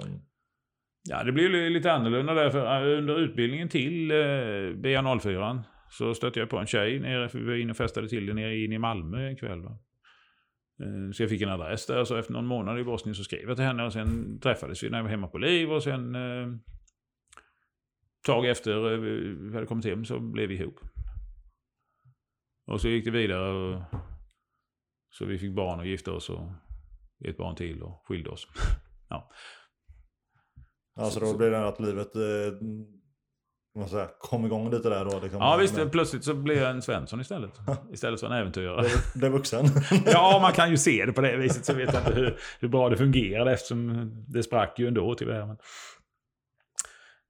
men så blev det. Så jag eh, fick ju barn, till, även om jag hann bli nästan 40. Eh, vilket jag är oerhört tacksam för nu. Eh, det ger en ny dimension till livet att ha egna barn. Eftersom jag trodde ju rätt länge att det inte skulle bli någonting, men eh, det blev det. Och morsan eh, blev nöjd att du inte åkte iväg på mer? eh, Ja, det är hon nog. det tror jag. det var nog, Bosnien-missionen var nog faktiskt, tror jag nästan, den som var värst för henne. Eh, jag- fick känslan av det. Hon har inte sagt det, men lite grann känslan av att det var så. Men hur såg kontakten ut hem under missionerna? Alltså, Det var ju brevskrivande. du har brevskrivande bara? Jajamän. Jag har hundratals brev. Jag har fått en del av min mamma vad jag själv har skrivit också. Så jag har det som, just från Bosnien var jag lite noggrannare med att skriva för då, då förde jag ju någon ytterst enkel dagbok till mig själv. Men sen skrev jag eh, brev till henne. Eller de. Pappa levde ju då på den tiden också. Men eh, jag vet ju att det var hon som läste det. Så eh, där skrev jag ju dag för dag. Så egentligen skrev jag ju en slags dagbok och så skickade jag hem det till, till dem. Ja, okej. Så du skickar, du skickar varje dag? Nej, fan inte nej. varje du dag, men kanske varje... Möjligen varje vecka. Alltså skicka en bunt med brev då? Ah, nej, nej, men jag skrev ju efter ett tag så skrev jag dag för dag för dag. Då, så daterade att Ja. hände detta, då hände detta. detta. Vissa dagar var det liksom, ja, då var vi på kampen och vaktade. Samma som igår och, och sånt. Men sen hände det ju mer. Men eh, när det då hände lite mer eh, värre grejer kan man säga så var de ju censurerade om man säger så. Jag skrev ju inte om allt som hände. Långt därifrån. För det small ju lite mer där. Eh, Men det skrev jag ju inte. Tyckte det var onödigt. Men det var ingen telefonkontakt hem så? Ja, det gick att ringa via någon satellittelefon tror jag, men det var väldigt svårt och med fördröjning och sånt. Jag ringde väl hem en gång. Mm. Eh, en del var ju hiade på det där, skulle ringa ofta, men nej. Det, det var så struligt så. Ja, det vet jag. Jag pratat med några som... eh, Det är fortfarande en, idag till och med fortfarande satellittelefoner som är fördröjning. Ja, det är jobbigt. Jag har sagt min, eh, ja, min, min bästa vän ringde ju hem från insatsområdet. Liksom. Då Mm. var det, fick man ju verkligen så här, lite som att man pratar radio liksom. Kom. Man får börja signalera. Ja, ja det känns lite så ja. Att, eh, och sen vet jag även när jag snackade med Peter som var nere i Boston, att Mm. han eh, ringde hem där. Men han sa också det, att det var inte så bra att prata i telefon för det hördes i bakgrunden att det small. Liksom. Ja, just det. Det var en av dem du hade innan. Ja. Ja, ja han, han försökte släta över. Ja, Ja, det, det, var det var rätt roligt att höra den. Fast hur roligt det var för de som var hemma att höra det. det nej, han sa bara så, alltså, gick kanske inte på luren där liksom. Men, nej, det, föräldrar eller vilka det nu är, anhöriga, är inte alltid så lättlurade som... nej. Sen att den faran man upplever eh, när man är på plats blir ju alltid väldigt annorlunda än vad det låter som hemma.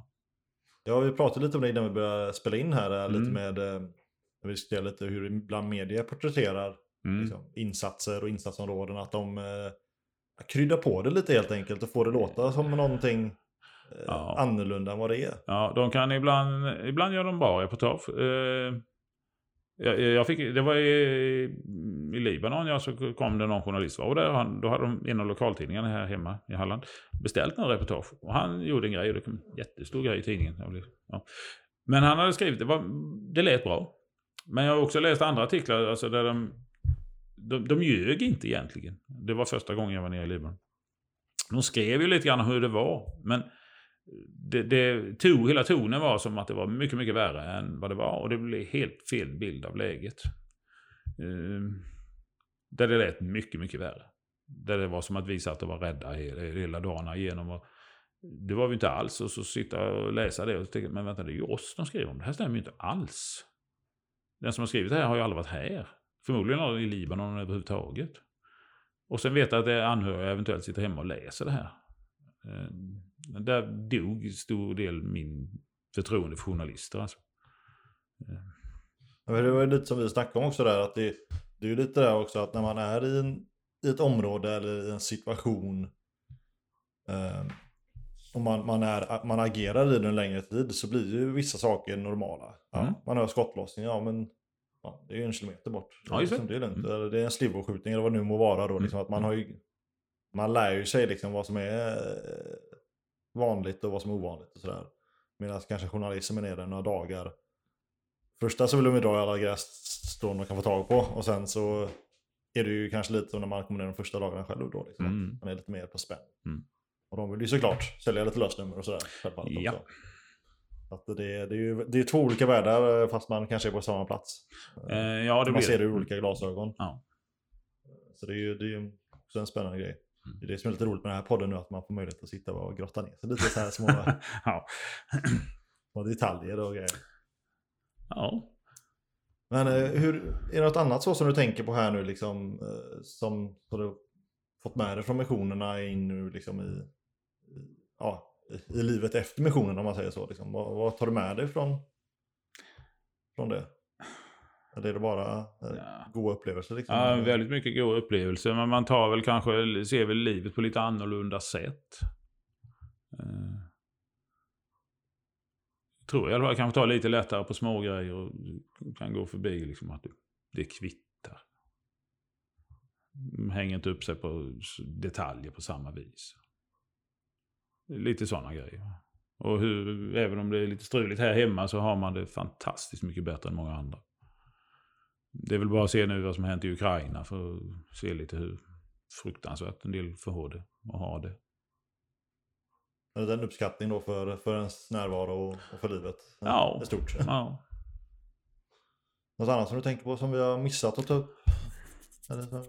Kommer väl på en massa saker efteråt förmodligen. Men Det kommer du garanterat det. Det kan jag lova dig med 100% sannolikhet. Eh, Men just det här att man förändras. eh, Det har jag väl... Jag vet att det, det var en kille som gjorde en av Libanon-bataljonerna. Han hade ringt mig. Det var när jag var ute och reste. Så jag hade inte svarat. Han hade ringt till mina föräldrar då. Det var ju det telefonnumret. Eh, Så det fick jag ju reda på efter jag hade kommit hem. eh, Och tänkte men han har nog redan gett sig iväg. Men jag ringde i alla fall. Och då det var hans mamma sa det. Och då nämnde hon ju just det här om att när han hade åkt iväg första gången och sa hon det att ja, det var inte samma kille som kom hem som han som åkte. Eh, för man, man blir förändrad. Men förmodligen i de flesta fall eh, vuxnare. Men sen kan det vara egenskaper som kanske inte är så bra heller när det gäller eh, skilsmässofrekvensen för veteraner är tydligen högre. Alltså det psykiska välmåendet ska inte vara någon skillnad mot vanligt folk alltså. Eller allmänheten. Men däremot är det tydligen skilsmässofrekvensen högre. Men om det är för att man blir förändrad av utlandstjänsten. Eller om det är helt enkelt så att det är den personligheten som gör utlandstjänst som kanske har svårare att hålla ihop i längden. Det, det vet jag inte. Men, du, men du, du uppfattar ändå att det, det blir någon förändring inom en liksom. Ja, ja visst. Men kände du det redan från första början eller var det liksom någonting som du... Nej, det tid? inser man väl med tiden när man har kommit hem. Att det är klart man blir annorlunda. Men jag skulle tro att det märks mer för andra att man förändras. Tror jag i alla fall. Och just det här att komma hem, att det är knepigt att komma hem. Eh, det var en kille som... Eh, vi, vi gjorde en Libanon-bataljon ihop och sen skulle han ner till Bosnien. Tror han det var med bataljonen efter. Eh, jag var nog när jag var hemma på liv. Så kom han och hälsade på och snackade om det. Och få några tips, bra att veta grejer. Och då var det det här, så kom det upp det här med att eh, jag hade då eh, snackat om att det kunde vara knepigt att komma hem igen. För jag hade ju gjort 91 då och han gjorde väl 98. Måste det ha varit. Eller 96 möjligen. Att det, var att det, det kan vara svårt att komma hem och det blir annorlunda. Och han hade liksom tänkt, nej, vadå? Det kan väl inte vara konstigt med att komma hem. Men det erkände han ju sen. Att jo, det hade det varit. Det, det blir liksom svårt det här. Du, du åker från en miljö där det alltid är folk runt omkring dig. Ni är väldigt tajta. Och kommer hem och det är bara tomt. Ingen där. Ingen som går och snackar med det snacket. Och man har ju en jargong där nere som ju... Eh, för, ska vi säga, för civilister kanske kan låta som man håller på att slå ihjäl varandra emellanåt. Men ja, det blir annorlunda. Ja, det är ju väldigt speciellt och det, är ju många... Många yrken har ju lite sina grejer liksom. Mm, mm. Uniformsyrken är ju lite speciella på sina sätt liksom. Och, Ja, ja, det- och eh, sen då, just som jag har förstått det, när man åker på utlandsmission så blir det liksom ännu ett snäpp över det liksom. Ja, ja. Man är så... Ja, man är iväg från verkligheten verkligen då. man är Oh, liksom oh, ja. isolerad. Och så jag kan tänka mig också på, på den tiden när kommunikationsmöjligheterna var färre. Mm. Så måste det ju ha varit ännu eh, mer isolerat på det sättet då. Med sin Ja. egen lilla enklav där liksom. Ja, ja, även om det gick att ringa möjligen, men det var så krångligt så jag gjorde det ju aldrig. Och skrev du brev, så du skriva till någon hemma, så tog det ju två veckor innan du fick svar. Mm. Det lite sådär. Ja. Ja, Både bra och dåligt. Och det dåliga som hände mig vid ett tillfälle var ju att jag skrev och skämtade med en tjej en gång liksom, jag tyckte, när jag, så att säga, i mitt huvud så, så blev det som ett skämt och det var roligt. Eh, men när hon läste ju liksom inte med min hjärna, utan på henne blev det ju mer som att det var... Ja, vi var inte ihop i och för sig, men det fanns ju lite sådana där. Och, och som hon var det som... Jaha, det var så... Hon hade tolkat det på ett helt annat sätt än mitt lite skämtsamma om att vad jag nu skrev, träffa någon annan eller bla bla bla. Eller något sånt här, massa tjejer och så vidare. som jag tyckte lät kul och bara som skoj. Men det gjorde det inte för henne. Och sen när jag fick svar jaha, och, och började läsa det här då. Att, jaha, men om vi nu aldrig ses mer och så vidare. Och, och jag liksom, vad nu? Vad har jag nu gjort? Vad är det? Och så det tog ju ett bra tag innan jag kom på vad jag faktiskt hade skrivit. För, för nu har du ju datorn. Ja, men det är ju bara att plocka fram det gamla och läsa. Ja. När du skriver ett brev fysiskt med papper och penna. Så skickar du iväg det och jag hade ju ingen kopia på det. Så liksom, och då, då, tog det, då fick jag göra en lång utläggning för att förklara vad jag menade och hur det var. Alltså. Och som är ledtiderna i postgången också. Ja visst, jag menar då tog det ju från det jag skrev tog det säkert minst en vecka innan hon läste det och då hade det gått två veckor från när hon skrev och ja, jobbigt läge. Så där lärde jag ju mig någonting. Men just det här skrivandet, det här tränar jag mycket på. Jag skrev ju väldigt mycket brev. Eh, Just för att det, det var roligt att få brev. Det, det kunde ju vara, eh, en dag kunde ju vara i princip hur dålig som helst. Alltså det, det regnade och det var kallt och blåste och eh, ja, man frös. Och sen på kvällen då kollade i postfack så hade man fått ett brev och sen var ju liksom hela dagen som jord. Det var bara jättekul. Och det behövde ju inte vara något konstigt. Det kunde vara bara något kort, några rader från någon. Just den kontakten att någon hade tänkt på en och skrivit till. Och för att få många brev så måste man ju skriva många brev själv. Ja, så är det. Mm. Ja, jag, jag och min fästmö brukar faktiskt göra så. För jag är inne på övningar så brukar ju inte Mm. vara telefon att tillgå. Liksom så. Nej, nej, då- kan man ju spåra er. Mm. Ehm, Så då brukar hon göra, nu har ju inte vi fältpost så eh, riktigt på det sättet eh, längre. Eh, I alla fall det är vilande tror jag. Mm. Så hon brukar göra så att hon brukar förskriva ett gäng brev till mig. Och så får jag liksom en bunt så. Ah. Typ med Fem eller tio brev. Hur länge nu jag ska borta så brukar hon ge ett gäng. Och sen så, men jag kan ju skicka till henne då. Ja, Jag kan, jag kan skicka med dem i någon blågul så här. Kan du lägga på Mm, blogg. mm.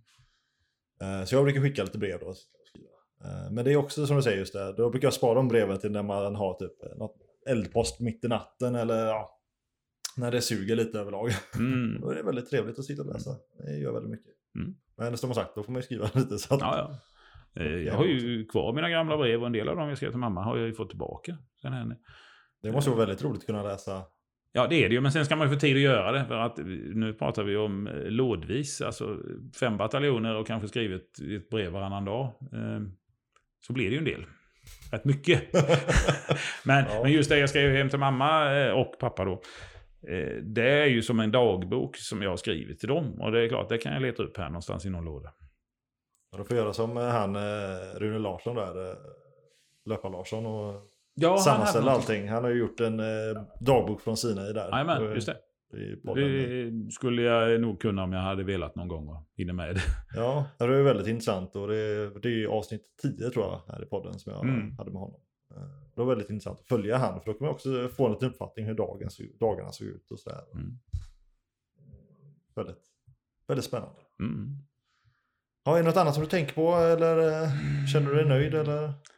Jag känner mig ganska nöjd. Det finns en massa grejer jag kan komma på någon gång. Eh, Det, Just det här äventyrliga livet och möjligheten till resa eh, som jag fick genom att jag var i Libanon så det var mycket lättare. Första vännen var i Egypten, Cypern plus Israel eftersom jag aldrig, alltid reste därigenom. Eh, sen var jag iväg på en Syrien-Jordanien-resa. Så de länderna har jag också varit i. Och eh, ner till Kenya som gick att åka. Nu är det ganska lätt att resa härifrån. Och framförallt mycket billigare. Men från Israel var det bara hälften så långt. Så. Jag var över Italien en sväng. Eh, Så det är ganska mycket sådana här upplevelser som är kopplade till FN-tjänsten utan eh, som har med det att göra. ja, mycket som eh, ändå måste ha varit intryck som du har fått tack vare eller Mm. på grund av eller vad man nu ska säga då. Ja visst, visst, visst. Massor är det. Massor. Det är väldigt spännande och jag kan tänka mig på den tiden också var det väl lite annorlunda det här med resor och, och Ja det var det. Den här Syrien-Jordanien-resan gick ju till Petra i Jordanien. Vilket numera är hyfsat känt. Folk känner till det här med Petra. Det, det var det ju inte då. Jag vet knappt att jag visste om det. Det jag visste då, det är en kul sidospår. Strax innan jag var där så spelade de in den tredje Indiana Jones-filmen. Hade de gjort där. Eh, och då hade de varit där tror jag, i tre veckor och filmat. Men då hade vi fått reda på det och den hade premiär efter att jag kom hem. Så fick jag, måste vi vara tvungen att gå och titta på den, se vad det här kommer. Och så sitter och tittar på filmen så har det gått en timme och 45 minuter. Vilket var ovanligt långt för en film på den tiden. Och det fortfarande inte varit med. Och sen plötsligt kommer det här och så är det 15 sekunder kanske eller något sånt. Då har de varit där filmat flera veckor.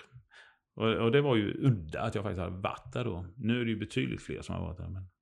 Jo, jag kan tänka mig just att för nu är världen lite, lite mindre på det sättet att Ja. det är lätt att ta sig överallt. Men Mm. eh, att kunna ha möjligheten att ta de resorna då, liksom de, Mm. det är otroligt, eh, Ja, visst. helt otroligt. Ja. Och även det att ha varit i Syrien. Jag, menar, jag har ju varit i Damaskus. Det var ju, ja, hur det ser ut nu vet jag inte. Men det, det är ju knappast någon som åker dit som turist nu. Nej, Tror inte det i alla fall. Då får man nog vara syrier i så fall. Ja, nej men jag tänker att vi kanske drar upp eh, säcken lite här. Det kan vi göra, ja. Om det inte är något annat så. Eh, Nej, då kommer jag på det sen. Det, du, jag kan lova att du kommer komma på eh, massa saker sen. Det är jag säker på. Det kommer du. Så, men jag säger som jag säger till alla andra gäster att vi kan gärna ta en inspelning omgång nummer två om man kommer på massa Ja, spännande, ja, ja. spännande Det extra finns saker. många andra som har mycket att berätta om. Så. eh, nej men jättekul att, att ha med dig här och jag vill tacka dig för dina insatser i plural får jag säga. Eh, för det du har gjort och eh, för det du fortsätter göra genom att faktiskt berätta om dem och Mm. sånt för, för lyssnarna här. Ja, och jag tackar för uppskattningen och visat intresse. Får ha det så gott och så eh, får vi höra av om det blir någon mer inspelning när du kommer på allting. Det får vi se då. Ja. Okej, Ha det gott! ja, detsamma. Tack. Hej.